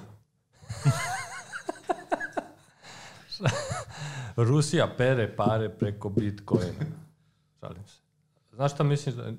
Ne znam da li je ovo najveći problem, ali me najviše plaši. Pored tih praktičnih stvari kao što je da me neko ne slično. Ali ovako, kao šta mislim da kao što je Bitcoin imao taj revolucionarni zamah, svet više nije bio drugačiji, nije bio isti, a mislim da je to možda i najgora, najgora stvar, što onda svet više nije isti. I odjednom ti možeš, ono što smo pričali o tržišnom društvu, to me plaši. Znači ti odjednom možeš da zasnuješ da ti je svako najmanje društvo na svetu tržišno društvo. Što, I to je ovo što sad recimo sa igricama ovi gejmeri imaju kao problem. A imaš igrice, jel, i ono, ekipa koja pravi igricu kaže da ubacit ćemo ovaj NFT i to je dobro za vas. Baš bi volio da prodiskutujemo da li je dobro za vas. Reći ću vam ja šta je najveći problem. Rusija. I oni peru mnogo bitcoina. I to ti je najveći problem. Ovaj, a pored toga drugi najveći problem je, ono, pričali smo u suštini, ja sam nominovao da je najveća radikalna inovacija nastanak Bitcoina je odjednom nastao neka nova vrsta novca, nova vrsta financija, a, koje su posle, iz toga su razni sistemi ekstrapolirali neke kao privatnost ili, ili automatizaciju ili nešto. E, mislim da je to ujedno vjerojatno i najveća pretnja. Um, u kom smislu? Daću primjer oko NFT-eva. Imaš sad gaming, a, gde se ove ekipe koje prave NFT-eve uzmu i kažu, koje prave igrice uzmu i naprave NFT i kažu dobro je za vas da imate NFT, play to earn, ovo ono, a ekipa koja igra igrice se buni. Nećemo to, nećemo to, treba nam nešto drugo, ono, NFT su skemovi. Daju još neke argumente, ali najjače je što su skemovi. Šta oni u stvari hoće da kažu u suštini? Oni hoće da kažu da su protivni tome da im tržišno društvo, pričali smo na početku šta je tržišno društvo, a, društvo koje ne može da postoji bez tržišta, oni ne žele da im u gaming uđe tržišno društvo. I u NFT-evima vide da neko a, im plasira da im u kor njihovog iskustva ulazi tržište. I oni su fazonu, mi to ne želimo, mi igramo igrice iz razloga što mi ne želimo tržišno društvo, jer smo pobegli u te igrice iz tržišnog društva i sad nam dovodiš to tržišno društvo u igrice. A, I gomila tih ekipa gejmera su odbili i, i, e, da se pojave NFT u njihovim igricama implicitno, ja mislim, iz ovih razloga. I to je na, najveća opasnost u suštini, po mom mišljenju, a, je ujedno i najveća radikalna inovacija, a to je što ti odjednom imaš mogućnost da tržišno društvo bude dovoljno malo da samo za sebe bude u igrici ili decentralizovanoj nekoj organizaciji ili u firmi možeš da tokenizuješ firmu ili ne znam, or, ono, dobrotvornu organizaciju ili public goods funding neki da napraviš ili, ili nešto, jednom ti je nešto što su bili fragmenti u kojima nije u koru možda ni bilo ovaj tržišno društvo, ti sad plasiraš to tržišno društvo. I mislim da je to stvar koja treba najviše da nas plaši i sa kojom najviše treba da se bavimo i ono, igrom slučaja i srećom postoji gomila istraživanja na tu temu ono, i pre kriptovaluta i ljudi u Web3-u treba da budu dovoljno pametni da neke stvari možda ili ne rade ili ga ne rade ili ih ne rade, do, ne rade na silu. Da, mislim da je to jako zanimljivo ovaj, pitanje konkretno, ovaj, zato što tržišno društvo mislim da je u igrice ušlo pre NFT-ova. NFT-ovi su ti samo dogovor, dozvolili neka sekundarna tržišta toga i neku vrstu donekle zaštite za tog igrača. E sad, ali zapravo taj igrač možda i ne želi da bude deo cele te priče, nego ti ono sad kažeš evo imamo za tebe bolje rešenje za ovu priču koju smo ti već nametnuli. Ovaj, a on je stvarno to što si rekao, samo hteo da igra igrice.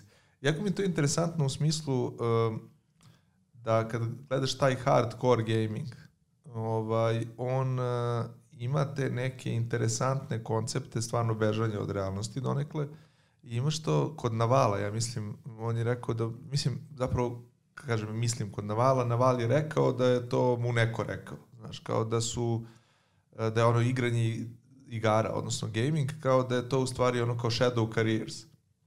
Ja, da, stvari... on, da je on tad prestao da igra igrice, kad, je baš je tako? Da, on je prestao da igra igrice kad je čuo ta, tu ideju da je u stvari uh, gaming shadow karijera, odnosno simulacija tvoje karijere, jer kao nisi uspeo da se ostvariš u stvarnom svetu i u, u svojoj stvarnoj karijeri, a imaš mogućnosti. Kad si klinaš ti nemaš ni mogućnosti da imaš karijeru, nemaš mogućnost da ono radiš nešto zaista uticajno i tako dalje, pa ono bežiš u maštu. E sad ovde ti kada si odrastao čovjek, ti imaš zapravo priliku da radiš nešto uticajno, ali i dalje bežiš u maštu umesto to da radiš. Ja sam što je najgore tada ono, kad je to on rekao, počeo ponovo da igram igre. ovaj, ali razlog zašto sam ja počeo... Da, oni su shadow karijere. Da, kao u stvari kao, evo te radim ovde u ovoj firmi MVP Workshop ima glupo ime, kao moram da pobegnem u nešto drugo. Ali ovaj, uh, ne, više... Kazan sa rakijom. To, to, vi, više ovaj je bilo, da, birao sam između kazane za rakijom i igar, ali ne, ne u tom smislu čak, nego ovo što si ti rekao, recimo da, da je i kripto sjajan simulacioni sistem. Ja sam krenuo da gledam da ono igre koje imaju svoju ekonomiju su isto tako sjajna simulacija e, nečega, jer možeš da ono zaustaviš igru, iskoristiš je kao teaching moment, možeš da obrišeš taj save, ono možeš da kreneš iz početka, možeš da ono možeš da simuliraš neku realnost kroz x iteracija da bi došao do nekih zaključaka. Tako da u tom smislu mislim da, da i, i tokeni, i kripto, i gaming, i NFT-ovi i slično imaju baš mnogo presečnih tačaka gde su jako slični i po dobrim i po lošim stvarima. I e, iz, iz tog ugla mi je ovaj... A to je, mislim, i ceo fazon, zato što igra kao futbal. O, o, znaš šta je, za razliku od EA Sportsa koji ide ono firma posjeduje platformu, futbal ne posjeduje niko. Nema niko kao moment da kaže ja sam vlasnik futbala. A, imaš lige, imaš ovo, imaš ono, ali je futbal open source.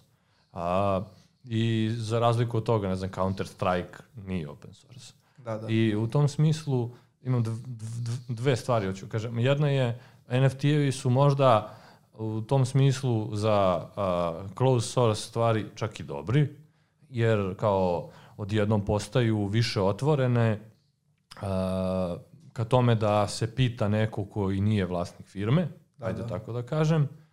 A, to je jedno. A drugo, ujedno imaš moment doživljavanja toga i dalje kao igre, nebitno im je ko je vlasnik, a igra je ono što bi se stari rekli iz raja izašla. U, u smislu ljudi doživljavaju igru kao ono malo dete se rodi i odmah hoće da udara u loptu. On, I onda da. oni hoće kao u fazonu, svi doživljavaju, e sad ti tom malom detetu hoćeš da uvališ uh, baš ovo i da ono da, da komercijalizuješ i njegovu igru i ovo i ono i vide to na negativan način i u tom smislu vide kad god se pojavi određeni token ili nešto kao kriptovaluta vide projevu toga. I nije to ni daleko od istine. Da, da, da.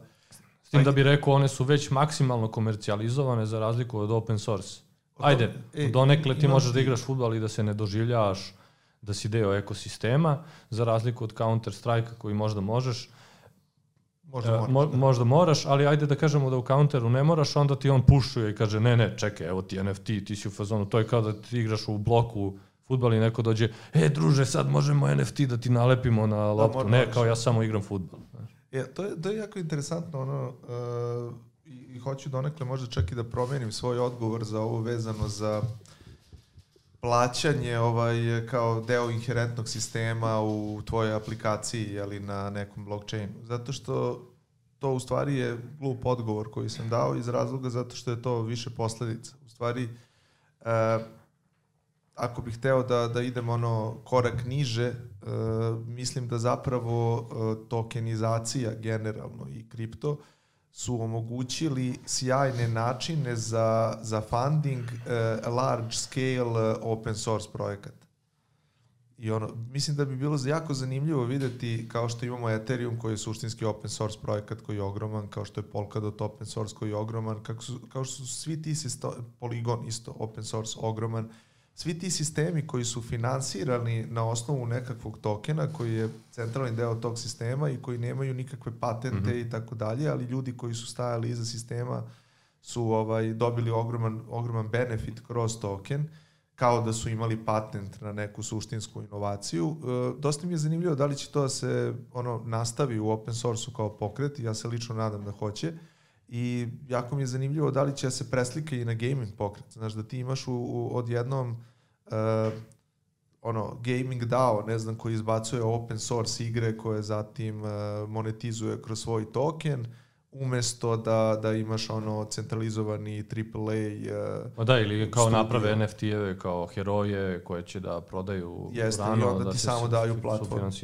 Da, da, da. odatle. Meni mnogo Ima zanimljivo to. Pa, to je prirodno. Finansijski modeling, mo- modeli koji nastaju sad sa kriptovalutama su a, raznoliki i apsolutno si upravo. Mislim da oni omogućavaju nastanak velikih sistema kroz neku vrstu a, tokenizacije prerane, ajde tako da ga nazovemo. A, e, znaš ono kad slušaš o VC-evima, e, VC-evi šta su napravili odnosu na ranije firme, na IPO je mogla da izađe firma koja nije imala ni profit. To do tada nije bilo zamislivo.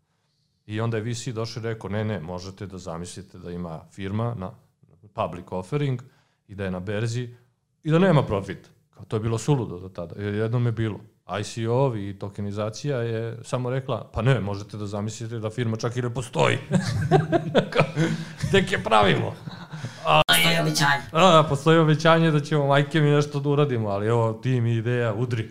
Da, da. Ovaj, ovi su nešto morali da urade. Tako da mislim da je to na, koliko god delovalo da nije na tragu a, neku silikonske doline i tako dalje, mislim da je to samo ono a, ekstremizacija u pozitivnom smislu te reči nečega što je nastajalo kao vid finansiranja u silikonskoj dolini i onda je neko do se dosetio i samo je to rekao, ne, ne, sad teramo do ekstrema. Sve više imaš ove ljude, kao sad recimo bio je Moxie, ovaj Signala, ima ovaj David Rosenthal, je li tako, isto, Jeste. što je sad oko Nvidia i tako dalje, što je isto aktivan, što je, kako se zove, ono, sve više tih ljudi koji su ovaj, dolaze iz tih drugih ono već usvojenih sistema i koji se smatraju, da kažem, na neki način thought liderima ili bar jako uspešnim ljudima u Web 1, Web 2 svetu i ne samo web svetu, opet kao što rekoh, ovaj, zbog Davida. Uh, kako gledaš na, na to kako oni analiziraju u stvari uh, Gary stanje? Vaynerchuk. E pa jeste. Da. Da, da, do, Vee. e, dobro, on je... Ovaj, A Nema veze, on je iz mainstreama već ostvaren, Dobro, ali ušao je, on- nije, nije inženjer. Da, da, ali oduševljen je trenutno ovim celim svetom, zato što je oduševljen. Ja, ali zanimljivo, ja sam bio prvo ono, u fazonu, ah, došao je, ali slušam ga sad i on naboje nešto, kao Elon Musk što je nabao nešto sa Dogecoinom, ono, sam bio u fazonu, zašto Elon Musk potencira Dogecoin, a mislim da je on, ono, ako je neko zeitgeist preduzetnik, to je on. I on je skapirao da u memeologiji, odnosno u memeu, imaš a, projavljenu i da samo na osnovu kulture ti možeš da imaš vrednost nekog tokena. Da, da, da. Znaš, gomila ljudi u Web3 ne kapira to, kao, ja, to ne vredi ništa jer ničemu ne služi. Pa ne mora da služi ničemu, samo je kulturološki Kako, zanimljivo. kako gledaš ovaj NFT-ove u tom uh, kontekstu mimova, memea, jeli, memeologije i slično? Uh, Pa baš tako kao a, NFT-evi su omoguće, omogućili kao tool koji je kulturološko finansijsko-tehnički, da se određeni nekad uh, š, n- s- fenomeni koji su postojali na, na ekstremima naših, našeg, ono, na, naše kulture, kao što je ja sam ultra bogati Warren Buffett, ne znam da li on stvarno radi. Ovaj, ali recimo, to je prvi bogataš koji mi pada na pamet. Ja sam on i ja hoću da zamrznem 100 miliona i kupit ću ovu sliku za koju društvo misli da je mnogo vredna. A nisam je kupio zato što ja se razumem u slike, nego zato što znam da društvo će da je sutra prepozna kao isto vrednu kao i juče, ako ne i vredniju, jer će taj umetnik, ono, rarity mu je tu do maksimum. Ovaj, kogod da je taj umetnik.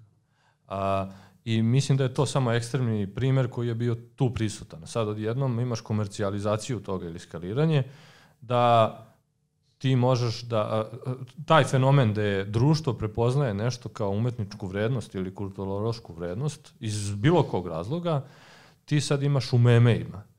Društvo sad na internetu prepoznaje vrednost u memeu. I ti kad si vlasnik kao organizacija ili pojedinac određenog memea, kako god to bilo, u slučaju Doge Coina mi smo rekli Doge meme e, i mi smo ekipa okupljena oko njega koja se prepoznaje na nivou kulture. Znači mi kad, kad ono, smejemo se istim forumama, forama, imamo slične vrednosti, a, vredno, znači delimo neki vrednostni sistem i oko toga smo se okupili. To je kroz NFT moguće ostvariti vrlo lako u roku od jednog dana. Ti kasnije možeš na osnovu tog NFT-a da si okupio tu organizaciju ljudi i određenu kulturu ili mikrokulturu, kako god hoćeš, da praviš nove tulove, jer, jer logično je da će iz takve organizacije da izađu tulovi koji del, koje ta organizacija želi da pravi, a ne neki, da se svađa ta ekipa kao ne, ja želim pornografiju, a ja želim ono hrišćanske vrednosti. Ti su se okupili oko memea koji otprilike im je ono presek vrednosti oko kojih će da se oni bave. U tom smislu mislim da su NFT-evi i to da je Elon Musk i da, su da Gary Vee su prepoznali tu komer, a, tu vrstu a, inovacije gde odjednom imaš u kulturi, a, umetnosti, u, pa i u gamingu i tako dalje, ali ajde da se zadržimo za sad na, na, na kulturi i umetnosti, moment a, da imaš finansijski tool koji je tehnološki implementiran, da ostvariš nekakvu vrstu a, ekonomske ili bilo kakve vrste ovaj igre. To mi je, to mi je zanimljivo. Ne znam, Da, da, ovi, pa znaš šta mislim da je jako interesantno kad to gledaš iz tog ugla u smislu uh, ono, mimovi kao takvi i, i njihov no, ono, novostvoreni kulturološki značaj, činjenica da klinci koji u igricama imaju token ili nekakvu internu valutu bolje razumeju obično kako rade tokeni neko neko stariji koji nije možda živeo kroz, kroz taj svet, kako da kažem.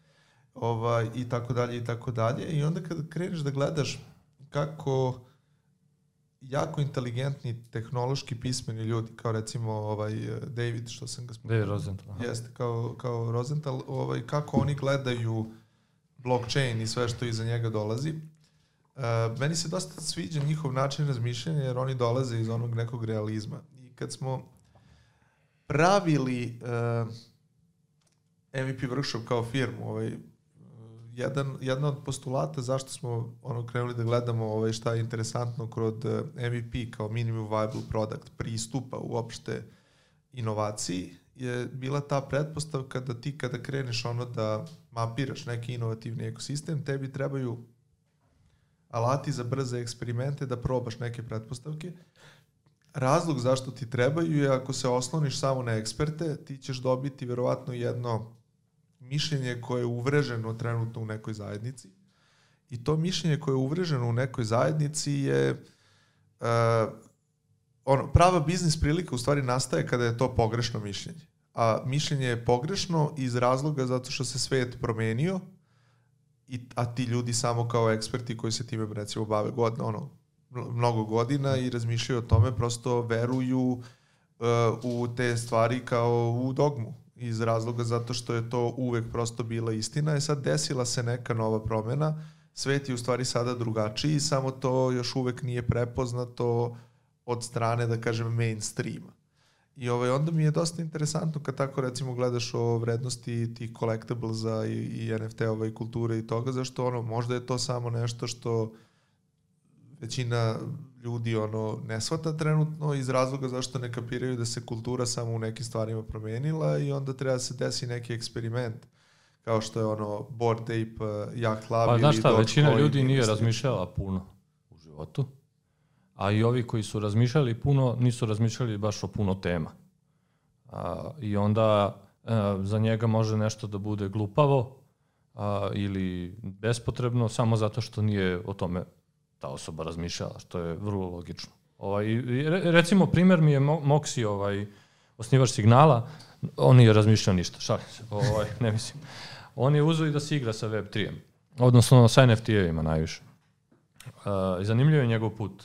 I na kraju je napisao, mislim na kraju, nastavio on da se igra, a u jednom trenutku je napisao neki članak na nivou no, uh, zapažanja o Web3-u. Moja početna zapažanja o Web3-u u slobodnom prevodu. I napisao je par nekih zanimljivih misli kao više u formi dnevnika. I onda je to buknulo. Ljudi su bili u fazonu. Jedni su govorili a, M- Moxi je car, vidi kako lepa kritika Web3, a u pozitivnom smislu možemo puno da naučimo od ovakvih ljudi. Bili su, drugi su bili u fazonu ništa nisi shvatio, Web3 je carski, treći su bili u fazonu vidi kako je dokazao da je Web3 glupav i da su NFT scam. Svako je on otprilike iz članka shvatio šta je hteo, Da, da. ali i niko ništa nije shvatio manje više, odmah su svi replicirali i objašnjavali mu da je u pravu ili da je glup, ali poenta je uh, ja sam shvatio. Ja ću da vam objasnim. Ne, poenta je da kažem. plitak tekst, uh, ok je tekst, ali on, je, on razbio glavu kao doktorat, pa kao ja sam vam bitna je to što je on ništa. Autoritet. Jedino, jedino što je kao on rekao, a, u suštini da, nije bitan tekst, bitnije je što je Moxi napisao tekst na tu temu. To, to je to kao. To je jedino što je bitno i nije bio ni negativan ni pozitivan, to je to za razliku od ne znam gomile koje su negativne. Ali je zanimljivo kako je to buknulo, što ti simptomatično prema tome da ljudi nisu ni razmišljali na tu temu i da ne postoji no, neki zdrav dijalog između Web3 zajednice i ostalih zajednica, da ne pričam ne postoji zdrav neki širi uh, odnos Web3-a unutra, a ne postoji nikakav ostali community prema Web3-u uh, i onda kad, kad se pojavi neka takva osoba, svi su u fazonu dođi, ajde, kao, ili da ti objasnimo ili ovo ili ono. A, a recimo za mene je zanimljiv članak uh, koji je napisao Tim O'Reilly, ovaj, zašto je Web3 zanimljiv i zašto je još uvek prerano i imao je seriju nekih razmišljanja. Recimo to je dosta zdrav članak koji je napisala osoba jako iskusna u IT-u i ovaj, to nije baš prošlo uopšte zapaženo, valjda zato što, ne znam, nije inženjer ili ne znam šta. Ovaj, nisam siguran što, ali recimo taj Moxijev članak je buknuo, možda zato što se bavi privatnošću. To je zanimljivo, možda prosto zato što je influencer. Ali i Tim O'Reilly je influencer čovjek, ima publishing firmu koja je na, no, no, u IT-u jedna naj, naj, najbitnijih. A, tako da to mi je više ono, Šta se tebi dopalo kod tog od Orelijevog članka? uf, ni ne sećam se, znam da mi je bio dobar. A, mislim da je ono sveukupno on teo da poruči da je mnogo rano i nedokazana je vrednost Web3-a za ceo svet, po mom nekom bledom sećanju, pošto je izašao pre, ne znam, dva, tri meseca, tad sam ga i pročitao odmah. Što ste vas dvojica na početku ovog razgovora. Pa da, on je rekao, pa da, da vjerojatno mi se to utiča, u, učitalo u neurone, šta je rekao. U stvari sam sve, u stvari sam sve zasnovao na njemu. Mislim da je to teo da poruči. Ne postoji vrlo jasan unique selling point koji može da skalira na ceo svet i ljudi naložite se dok to ne dokažemo. To je to. Mislim da se Da. na to svodi. Mislim da je ovaj... Ali nije bio dismisiv, bio je Da, kao da. fazonu, ja želim da ovo postoji i postoji gomila stvari i problema, ali ne sjećam se tačno svih detalja. Možemo da otvorimo da pogledamo. Ovaj, pa ako hoćeš čak i može. To je isto pitanje, ono, da li hoćemo da budemo, ono, sad kažem, ono, fanatici i kažemo, ok, ono, Web3 je švajcarski nož koji je ono rešenje za sve. Ili prosto posmatramo, ono, a, to kao jedan od, ono, dobrih puteva za, za, za inovaciju i kao definitivno, ono, prostor, prostor za, za, za, za igru i eksperimentisanje. Tako da, ovaj, bilo koji taj opet se vraća na ono polarizovan pristup i, i, i, i eks, ekstremnu ovaj, ono, za ili protiv nečega, e, mislim da nas ono odvraća zapravo od krupnih stvari i te inovacije. Evo prolazim kroz tekst. Tekst se zove Why is too early to get excited about Web3, što je dosta dobar naslov, ono nije nije dismisiv, niti je nešto hajpovan. A, I u prvom delu članka se bavi a, ono definicijom šta je to uopšte decentralizacija versus de, centralizacije. Pa recimo na, definiše neki robustness principle. Uh, be conservative in what you do, be liberal in what you can accept from others i onda ajde da ne ulazim sad te u delove, postoji nešto što se zove the law of conservation of attractive profits. To je onaj Clyston Christensen, onaj tip što je Innovator's Dilemma, mislim, pisao. O, suštino, on kaže kad, when attractive profits disappear at one stage in the value chain because of a product becomes modular and commoditized, the opportunity to turn attractive profits with pro proprietary products will usually emerge at an adjacent stage.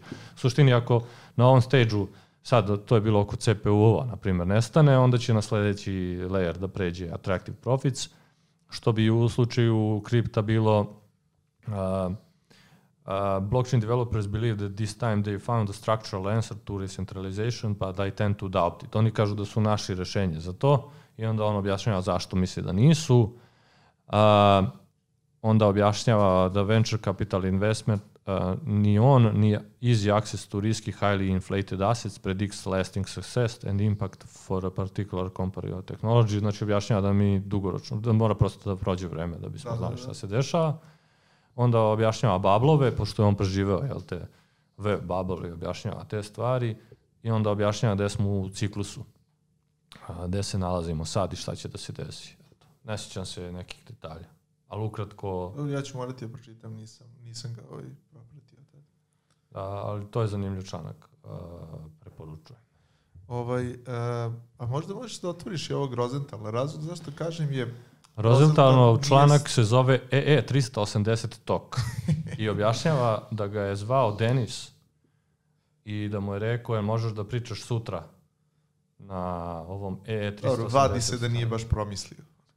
Ali znaš šta je zanimljivo za Rosenthala? Batica je a, ima dugu istoriju inovacije ovaj, vezano za decentralizaciju mm. i negde tu i priča kako je imao neki burnout posle tri uspešna startupa koji su doživeli IPO, to je bilo bitno da se napiše. Imao je tri uspešna. IPO. Uh, on se bavio u Stanford biblioteci i dobili su sa još par ljudi. Stanford. Uh, da. Decentraliza, uh, decentralizovani konsenzus system using proof of work.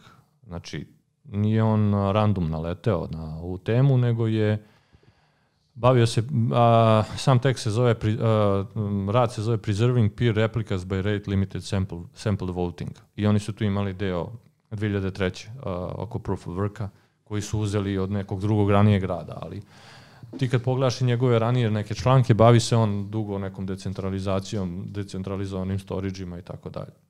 Ali čisto uvod na temu a, rada, znači ne znamo šta je naslov, to je problem, ne znamo šta je teo da kaže. Dobro, da, ovaj, nekako ide kao kritika ono blockchaina kao tehnologije, ajde da kažem, pre svega kao tehnologije. Ja deluje mi da je, de, meni deluje da je ovaj njegov rad na nivou svaki put kad je nalešteo na lošu vest, On je dodao. on je dodao u neki bulet i bio u fazonu, ima mnogo buleta na temu zašto je kripto bez veze. Ajde prođemo malo kroz bulete, zato što mislim da je ovaj... Prvi slajd se zove je... title. Koliko je? Kao, mi se uopšte nećemo truditi da diskreditujemo ovog čoveka. Da, da, izvini Kazare. E, ima tu je, jedna od stvari ove, jeste koliko je ono Bitcoin decentralizovan zapravo. Sa mining poolovima, znači pričamo, ajde, do, dosta smo pričali o Bitcoinu danas, koliko je to Imaš Nakamoto koeficijent, Nakamoto koeficijent koji ne znam na pamet, a, Nakamoto koeficijent, na, izlazi mi Nakamoto koengeko. A, otprilike on kaže ovako, a, treba da nađeš bottleneck svog, a, a, svog sistema. I sad recimo u slučaju a, i kaže šta su ti bottlenecci po, potencijalno, to su ti mining, a, broj klijenata, odnosno softvera, a, da li imaš samo jednog, jedan code base za klijent za, za mining, a, znači koliko imaš programera, koliko imaš exchange-eva, koliko imaš nodova koji vrte blockchain i koliko imaš vlasnika tokena, odnosno coina. I onda on kaže, u suštini u Nakamoto koeficijentu, samo jedan od decentralizacionih faktora je mining, ali to ne znači da je on najbitniji, nego ih imaš otprilike šest. I recimo, da. možeš da se centralizuješ kroz ownere. Uh, mogu da zamislim da imam beskonačno miner, mislim pitanje, teoretski mogu, u praksi verovatno ne može, da imam Besko, jer su sve vezane stvari, nisu potpuno izolovane. Mogu da zamislim da imam pet klijenata napisanih, ili imam 100 jedan. programera da, da. i da imam 60% vlasništva na tokenom u, vidu jedne osobe. Na primjer, počinje na C token. Šalim se, oni nemaju mining. Uh, ali dobro. Uh, i, I pitanje, sad recimo, evo sad gledam ovaj poslednji neki koji sam otvorio u slici, mining, u slučaju uh, samog Nakamoto koeficijenta, svi padaju na, verovali ne, ne na miningu, nego na broju open source uh, klijenata. Svi imaju manje više jedan koji do se dva. ranuje na većini. Jedan do dva. Da, imaju dva, ali kao on ne gleda koliko ih ima ukupno, nego po korišćenju. Znači da, ako da, da. preko x posto koristi isključivo jedan, to znači da ti celu mrežu možeš kroz jedan code base da uništiš. Ako on doživi jedan exploit, stala je mreža. I ako ukrstiš sad ove metrike, onda možeš da kažeš, ok, imam jedan i na tom jednom radi tri programera. Znači ti odjednom imaš problemi sa programerima koji mogu da ono budu loši. Tako da nije sve ni u miningu, nego postoji i u exchange-u. Imam tri exchange-a koji ono, imaju centralizovane valete. A, ali svi se skoncentrišu odmah na mining. I David se skoncentrisao na mining. Ne znam, Kazane, šta je pričao o miningu, beže. Pa komentarisao je koliko ono ukupnjavanje, znači kroz ono mining poolove i onda koliko zapravo ovaj, kontrolišu mrežu tom kontekstu i imaju komentar koliki procenat... Uh, ali, kak, ali kako, zapravo... on objasnio kako oni kontrolišu mrežu? Mo, možda ja da... U, da, da. kontrolišemo mrežu, mi smo majneri. Da, da, pa, slažem se. Ovaj, mislim da tu postoje, šta je on u suštini rekao u članku, da ne, ne prolazimo sad baš svaki bullet point, ovaj, bit će u linkovima, pa nek neko pogleda. A ne, ne, ne, ne moramo da prođemo, rekao sam... Samo, ali nećete da krenu. Ovaj, e, pa on u suštini priča o tome koliko je kao Bitcoin i rezistentan na Sibil napade, kako se kolika je stvarna decentralizacija i onda govori o tome da u nekom trenutku pre pet godina je postoji trenutak u vremenu kada su, ne znam, dva ili tri mining pula u Kini kontrolisala verovatno preko 50% mreže. I sad on kreće iz pretpostavke da onda znači u tom trenutku su ta tri mining pula imala način da privremeno ili trajno preuzmu kontrolu nad mrežom Ali i da kako se nešto izglase. Dobro, okej, okay, oni preuzmu kontrolu. Mene to zbunjuje, zato što kao da je to najstrašniji event na svetu, kao preuzeli su kontrolu nad mrežom. I šta onda? Ti spin-offuješ novu mrežu. Mislim, ne, gledaj, ali gledaj to iz ugla, recimo, ovaj, upravo to... Nije to objasnio, nije objasnio šta se Mislim dešava. Mislim da nije razmišljao dalje, zato što on je išao u, u onom kontekstu toga da li ti zaista, ono, da, da li ta uh, mreža u nekom trenutku može biti zloupotrebljena na neki način i kako, eto, već imamo dokazan slučaj da je mogla da bude zloupotrebljena. Ja sam to, recimo, gledao iz drugog ona je, ako uzmemo da je to istina što je recimo napisano, znači da je mogla biti zloupotrebljena, a nije. Isto kao da, da. što danas ono Kina može da uništi Ameriku tako što će ovaj ono da, da, da ono uništi dolar kroz svoj dug, kako se zove, koji Amerika ima prema njima, isto kao što Amerika može da upropasti dolar zato što je centralizovan i tako dalje. Znači sve vreme postoji nekoliko igrača koji mogu da uh, preuzmu sistem ili da urade nešto sa sistemom, samo se to ne dešava zato što čak ni u toj situaciji kada postoji privremeni trenutak u vremenu ili trajni trenutak u odnosu na prave valute, ne postoji zapravo ovaj logičan razlog da to uradiš niti volje. E, mnogo je bolja situacija kada ti imaš ono samo povremeno, eventualno čak trenutke u vremenu kada bi to neko mogao uraditi, pa ga ne uradi zato što je besmisleno i za mrežu i za njega i za svet i tako dalje, jer samo bi nastalo to što si rekao nova mreža ili nešto gde bi se prebacili ti flagovi, samo bi on izgubio uticaj. S tim da nego- to nisu nikad, zanimljivo je, mineri su onako, baš su rudari, oni nisu... A, a, problem sa, sa, ne sa minerima, nego generalno je što nije to ono u, u, smrt kroz atomsku bombu, nego smrt kroz a, potencijalna pretnja, nije smrt u jednom danu, nego smrt kroz hiljadu loših odluka. Da, da, da. A, I za svaki sistem je to opasnost. A, I u tom smislu, a, kod minera, a, oni ne, ne funkcionišu sami, oni odlučuju da li nešto što su određeni programeri ili entiteti napravili žele da se updateu na taj fork ili ne, ali u suštini oni van toga nemaju neku mogućnost da oni mogu da odbijaju neke transakcije da izvrše, ali uvek će se verovatno, pretpostavka da će se uvek naći jedan uh, ovaj, da kažeš, dovoljno dobar nod da će hteti da ubaci u blok tvoju transakciju i tako dalje. Znači mogu da zamislim situaciju da odbijaju, ono, da se svi dogovore i da neku transakciju neće da izvrše. A, ne mogu da edituju bivše transakcije i tako dalje. Mislim, ajde, mogu. A, teško. Poenta je više da ono oni mogu da zajedno sa programerima i drugim entitetima se zalažu da ekosistem raste u nekom smeru, više nego u drugom smeru i tu može da bude opasnost centralizacije da određena struktura ljudi neguje sistem dugoročno u drugom smeru i to se dan danas dešava. I ti to ne možeš ni da sprečiš jer ono njih je više i bitniji su u tom sistemu i oni će da neguju taj sistem u tom pravcu. Ali je dobra mogućnost forkabilnosti, odnosno da ti teoretski makar možeš da kažeš dobro, mi se više ne slažemo, ti ideš u tom smeru, ja idem u ovom smeru i moja zajednica ide u tom smeru. I imao si kod Ethereuma poznati primer klasika, gde su oni odlučili da odu u drugom smeru i nisu bili dovoljno jaki da izguraju, a postojali su par godina. Ovaj, ne znam, verovatno i dalje postoje.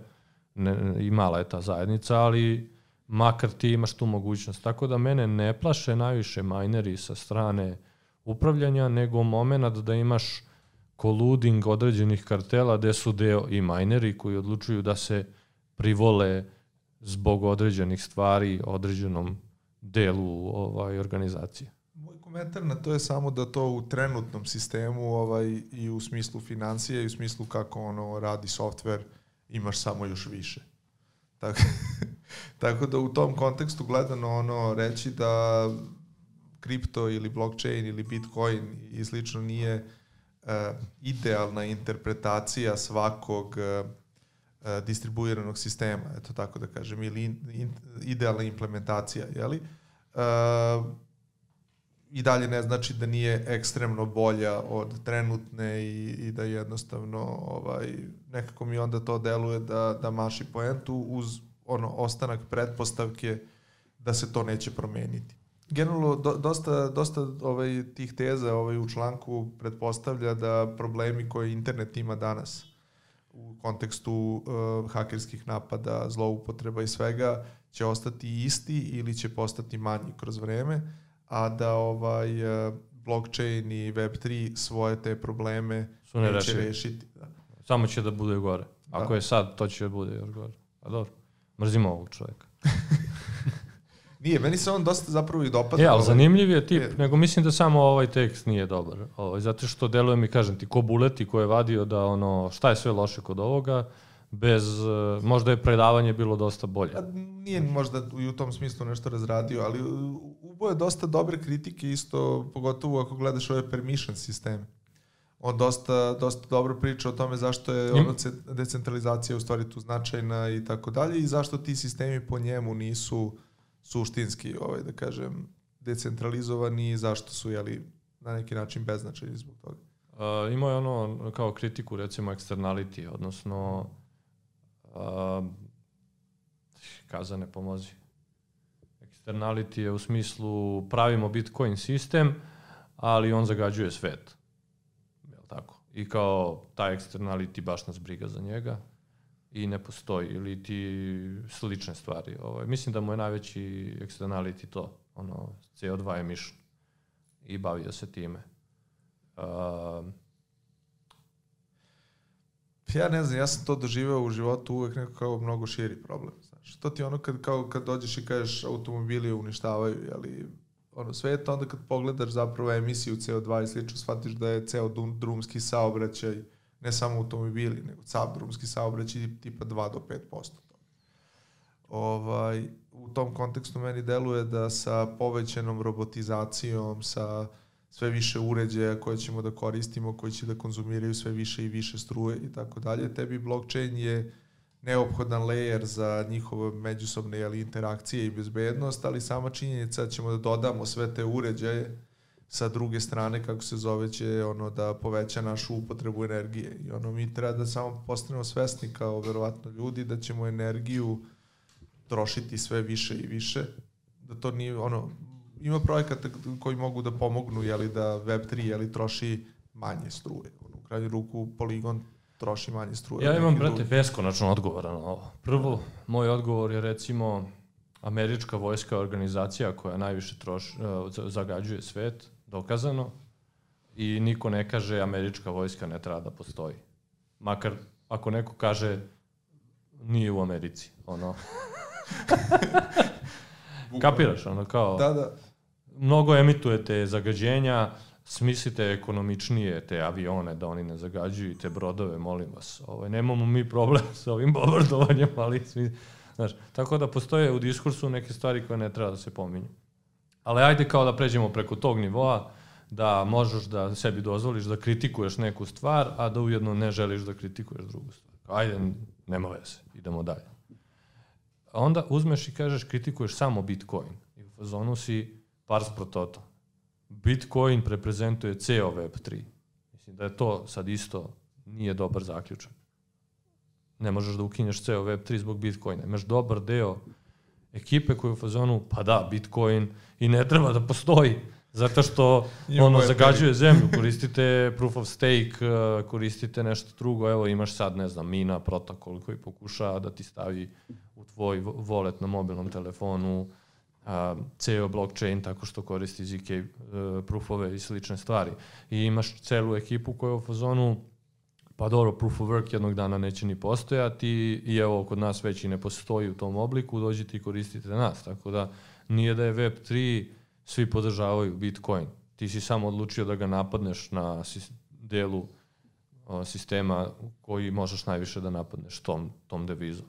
Tako da, a, treće, imaš čitavu argumentaciju ljudi kao što je Antonopoulos, da je to šira stvar i da ako ti stimulišeš ceo ekosistem da koristi zdrave vrste energije, tako da ih nazovem, i itd., onda će i mineri preći na te vrste energije. Pa da, ali... Evo, Ako ti stimulišeš u svom sistemu da se koristi nekakav ne, ne, nekakav loš ugalj ovo ono i da ti je to jeftino za potrošnju, onda će onda koristi to. Za, zato i Ne. kažem, znači ti imaš situaciju da je energetsko pitanje mnogo šire pitanje i od blockchaina i Web3-a i Bitcoina i svega toga.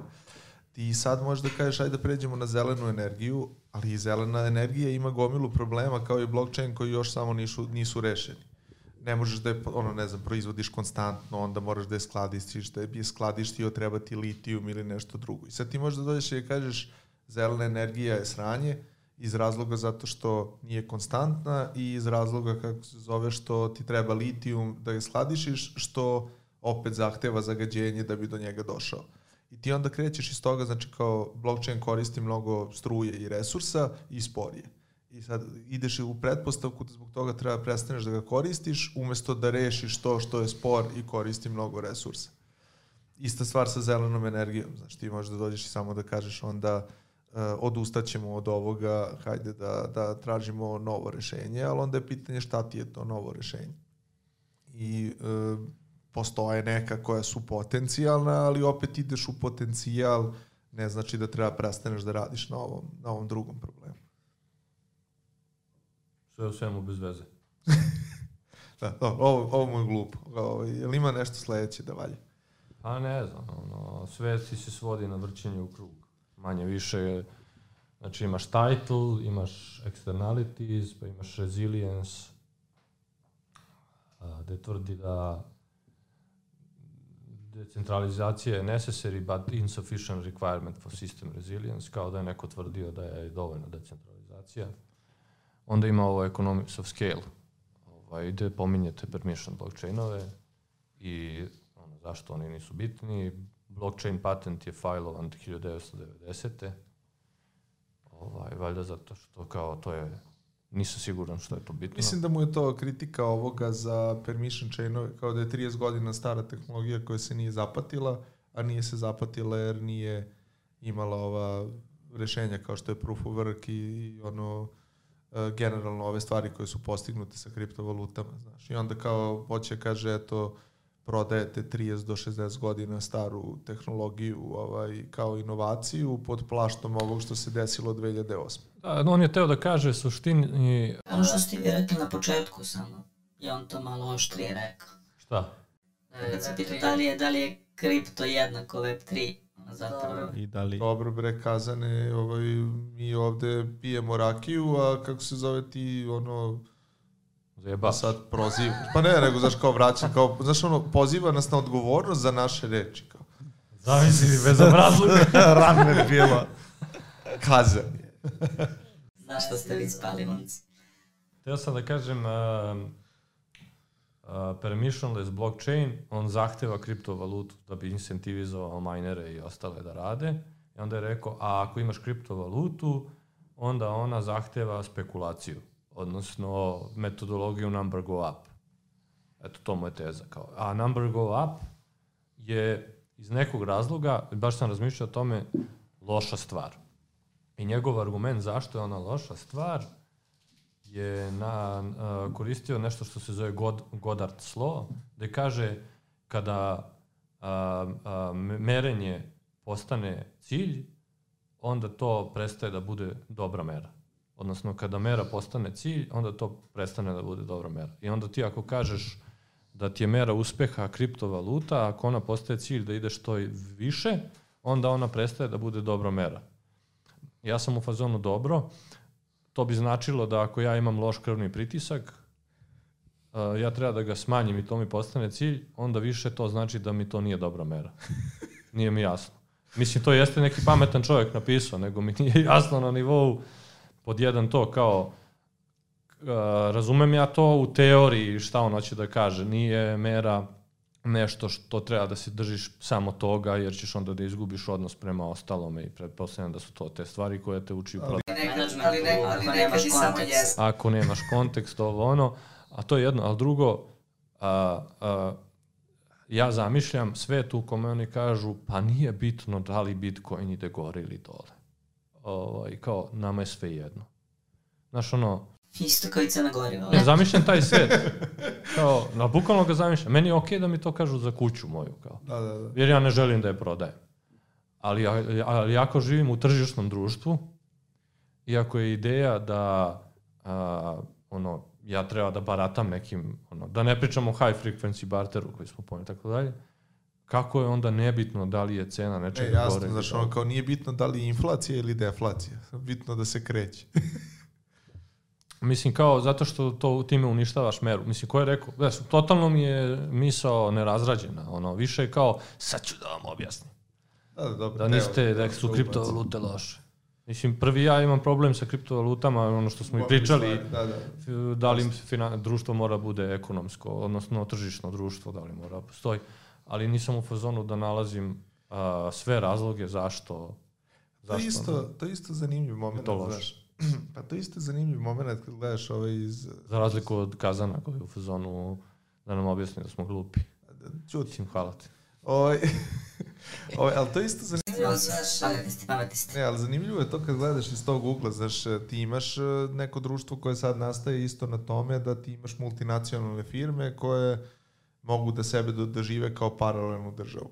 Ono, borderless su i tako dalje, ali imaju ono svoj ekosistem u kojem funkcionišu, imaju neku svoju vrstu svoje ono korisničke populacije i ova imaju uticaj na ceo svet, nebitno, donekle nebitno u kojoj državi kako ono operišu i ovaj i one se očigledno bore kao i taj spomenuti Facebook par puta uh, za to da to tako ostane i da samo postane sve su ono da da ti u digitalnom svetu kao firma u krajnju ruku možda postaneš sve suvereniji.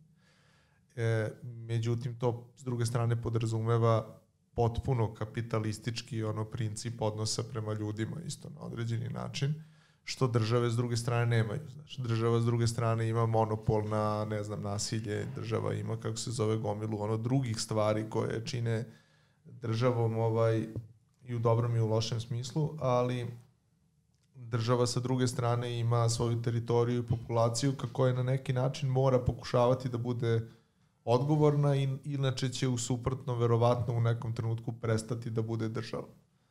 I ovaj, iz tog ugla gledano, ono, ja bi i dalje pre verovao državama za gomilu pitanja da. nego multinacionalnim firmama sa sobstvenom valutom, ma kako one bile organizovane.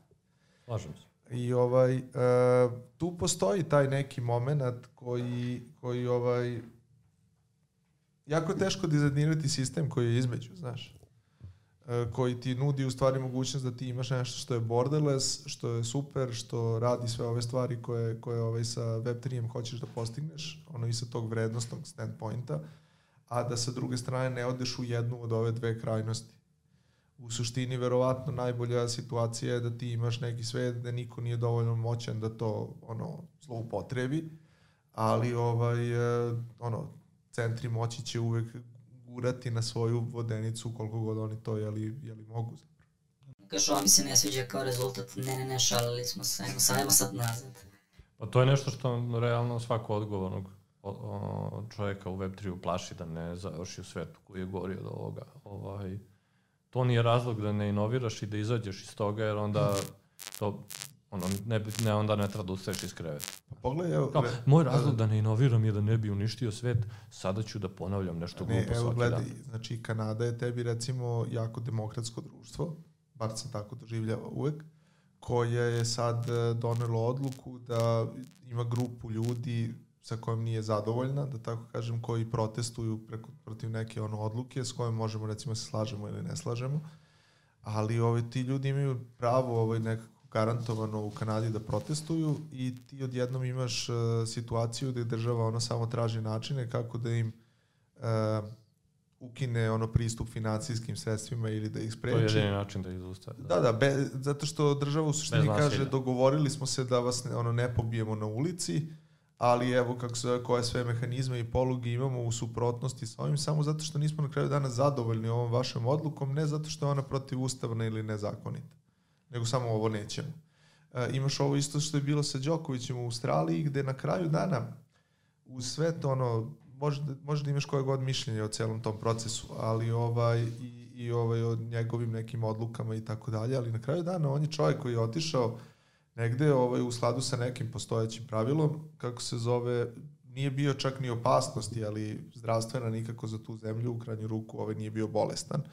Ovaj, oni gomila ljudi koji su vakcinisani ulaze u Australiju svaki dan, kako se zove, mogu da prenese, kako, kako se zove isto tako, kako, koju god hoće bolest, on na kraju dana nije mogu ništa da prenese, jer je nije imao u tom trenutku, jeli, ulaska.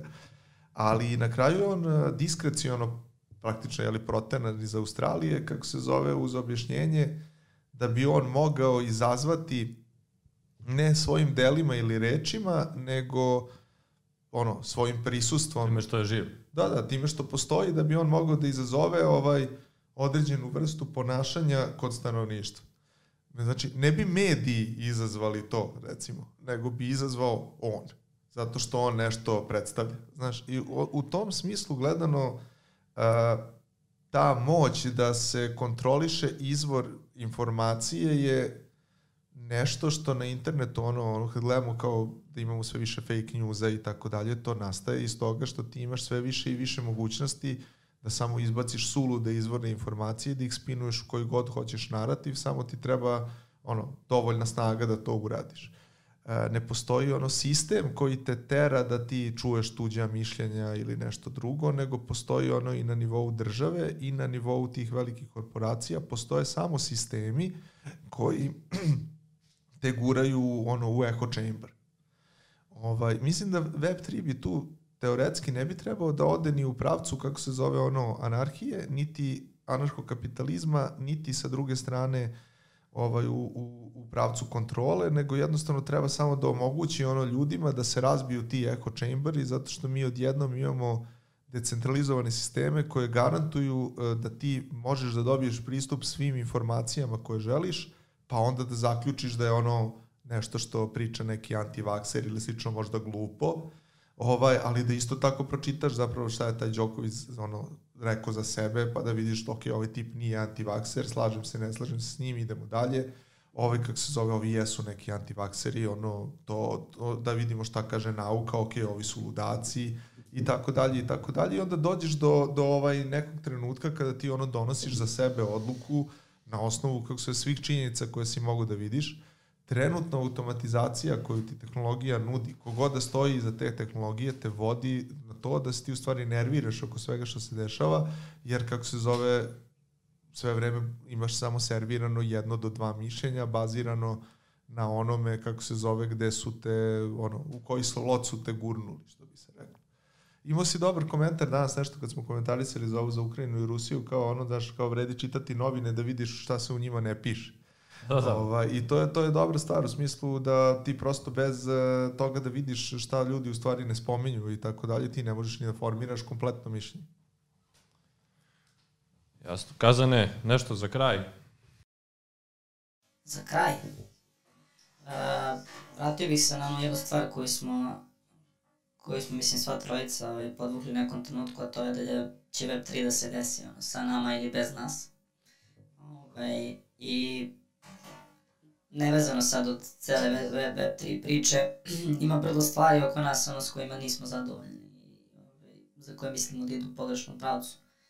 E sad ovo što si ti na kraju apostrofirao, mogu da ono, sedim kod kuće i kažem ok, neću da inoviram, ono da ne bih nešto upropastio, ali sa druge strane, a, ako, ako vidimo sve te probleme i ako verujemo da će ovaj, uh, neki, neki preokret da se desi svakako, uh, mislim da je ovo jedno jako, jako plodno ovaj, tlo i, i, i veliki, veliko poljavno za, za, za inovaciju i za donošenje vrednosti. Tako da se nadamo ovaj, da ako ćemo da se okupimo oko tih nekih uh, vrednosti, ono, možemo da se složimo oko od, određenog ovaj, seta tih vrednosti, uh, da možemo da držimo i taj neki ono, ispravan, ispravan put. Skoro je bio neki tekst uh, kao skali, uh, mislim da se zove Scaling Network Effects i u suštini o tome kako ovaj, uh, se ono, skaliraju organizacije u kontekstu opet ovaj, de, decentralizacije, gde ovo što smo spomenuli za ovaj konglomerate i tako dalje, da oni pokušavaju da drže sebe kao ono, u, i kroz to ukrupnjavanje kao centar ovaj, uh, dešavanja, centar donošenja odluke i tako dalje. A, a skaliranje ono, uh, mreža kao takvih ide po principu da ti u, centru zapravo držiš određenu vrednost oko koje se mi slažemo, određenu misiju, i a, onda on, sve drugi učesnike posmatraš takođe kao deo ono tog ekosistema gde si ti jedan od stakeholdera i jedan od ono, ljudi koji, mislim ljudi, jedan od entiteta koji utiče na, na, na, na te vrednosti o kojima pričamo. Sad, koliki je tu a, tvoj uticaj, koliko se ti slažeš sa ostalim stakeholderima i tako dalje, to je, to je druga neka priča, ali ti si samo deo tog ono ekosistema gde onda možemo da pričamo i o e, environmentu kao ovaj, jednom od bitnih stvari ovaj, i svim ovim drugim, ono kažem, ovim uspojima problema koje smo spomenuli, pa posmatraš onda opet ovaj, kako, kako rešavaš probleme koji utiču negativno ne, na neki deo. Ovaj, a, na, na, na, neki, na neki deo tog ekosistema, ali opet, kažem, ti nisi u centralnoj tački, centralna tačka je upravo su te neke vrednosti. Tako da, to, to su neke ono, moje, moje teze za kraj. Um, nemamo predstavu ovaj, kako će stvari izgledati pet godina od sada, ali verujem da će se, da će se promene dešavati da će se dešavati dosta ubrzano. Uh, I onda prosto to vidim kao dobar, dobru podlogu za nas da se ono okupljamo, pričamo o ovim stvarima i da pokušamo da inoviramo i donosimo neku vrednost. Hvala ti, Kazane, brate. Hvala ti Kazane što si došao, hvala i tebi Mališa, ovaj, Tebi. mislim da si, mislim da, da je ono, meni je prio ovaj malo razgovor, eto, da se dotaknemo ovih nekih tema. Mislim da smo sigurno otvorili više pitanja, jeli, nego što smo zatvorili i mogu samo da kažem da mislim da je to važno, uh, ne samo zato da bi imali sledeću epizodu i šta da pričamo. I, ovaj, Pa ne, ali da što moraš da imaš od, zatvorena? E pa da, upravo to pokušam da kažem. Znači, ne samo zbog našeg podcasta da ne bi propao posle jedne epizode, jer Ne. smo sve rekli u jednoj epizodi, nego i iz razloga zato što mislim da, da, da postoji taj moment da u stvari Web3 je onaj internet koji ćemo kakav god na kraju dana bio ovaj, koristiti za 5 do 10 godina. I ovaj, sad je pravo verovatno vreme da otvaramo te teme i da u stvari krenemo se bavimo time kako će se izgraditi takav internet, jer ono, to će biti samo internet koji ćemo za 5 do 10 godina imati, kakav god da bude bio. I eto, ovaj, pridružite nam se na ovom putu otkrivanja Web3-a u narednih 5 do 10 godina. Ovaj, šalu na stranu, ne, mislim, više pridružite se firmi, ima na mvpworkshop.co ova karijer stranica, primamo naročito programere, ali ove, ove skromnije što hoće da uče, ne ove što hoće da postanu samo milijarderi. Ajde, dajte još po jednu, ovaj, a mi se, To je to. mi se, ajde, Hvala. hvala Kazane, hvala, ovaj, Ne, ne, hvala vama. hvala, hvala, odgurat ćemo te, kako se zove, da popijemo po jednu pre rastanka. Zdravo.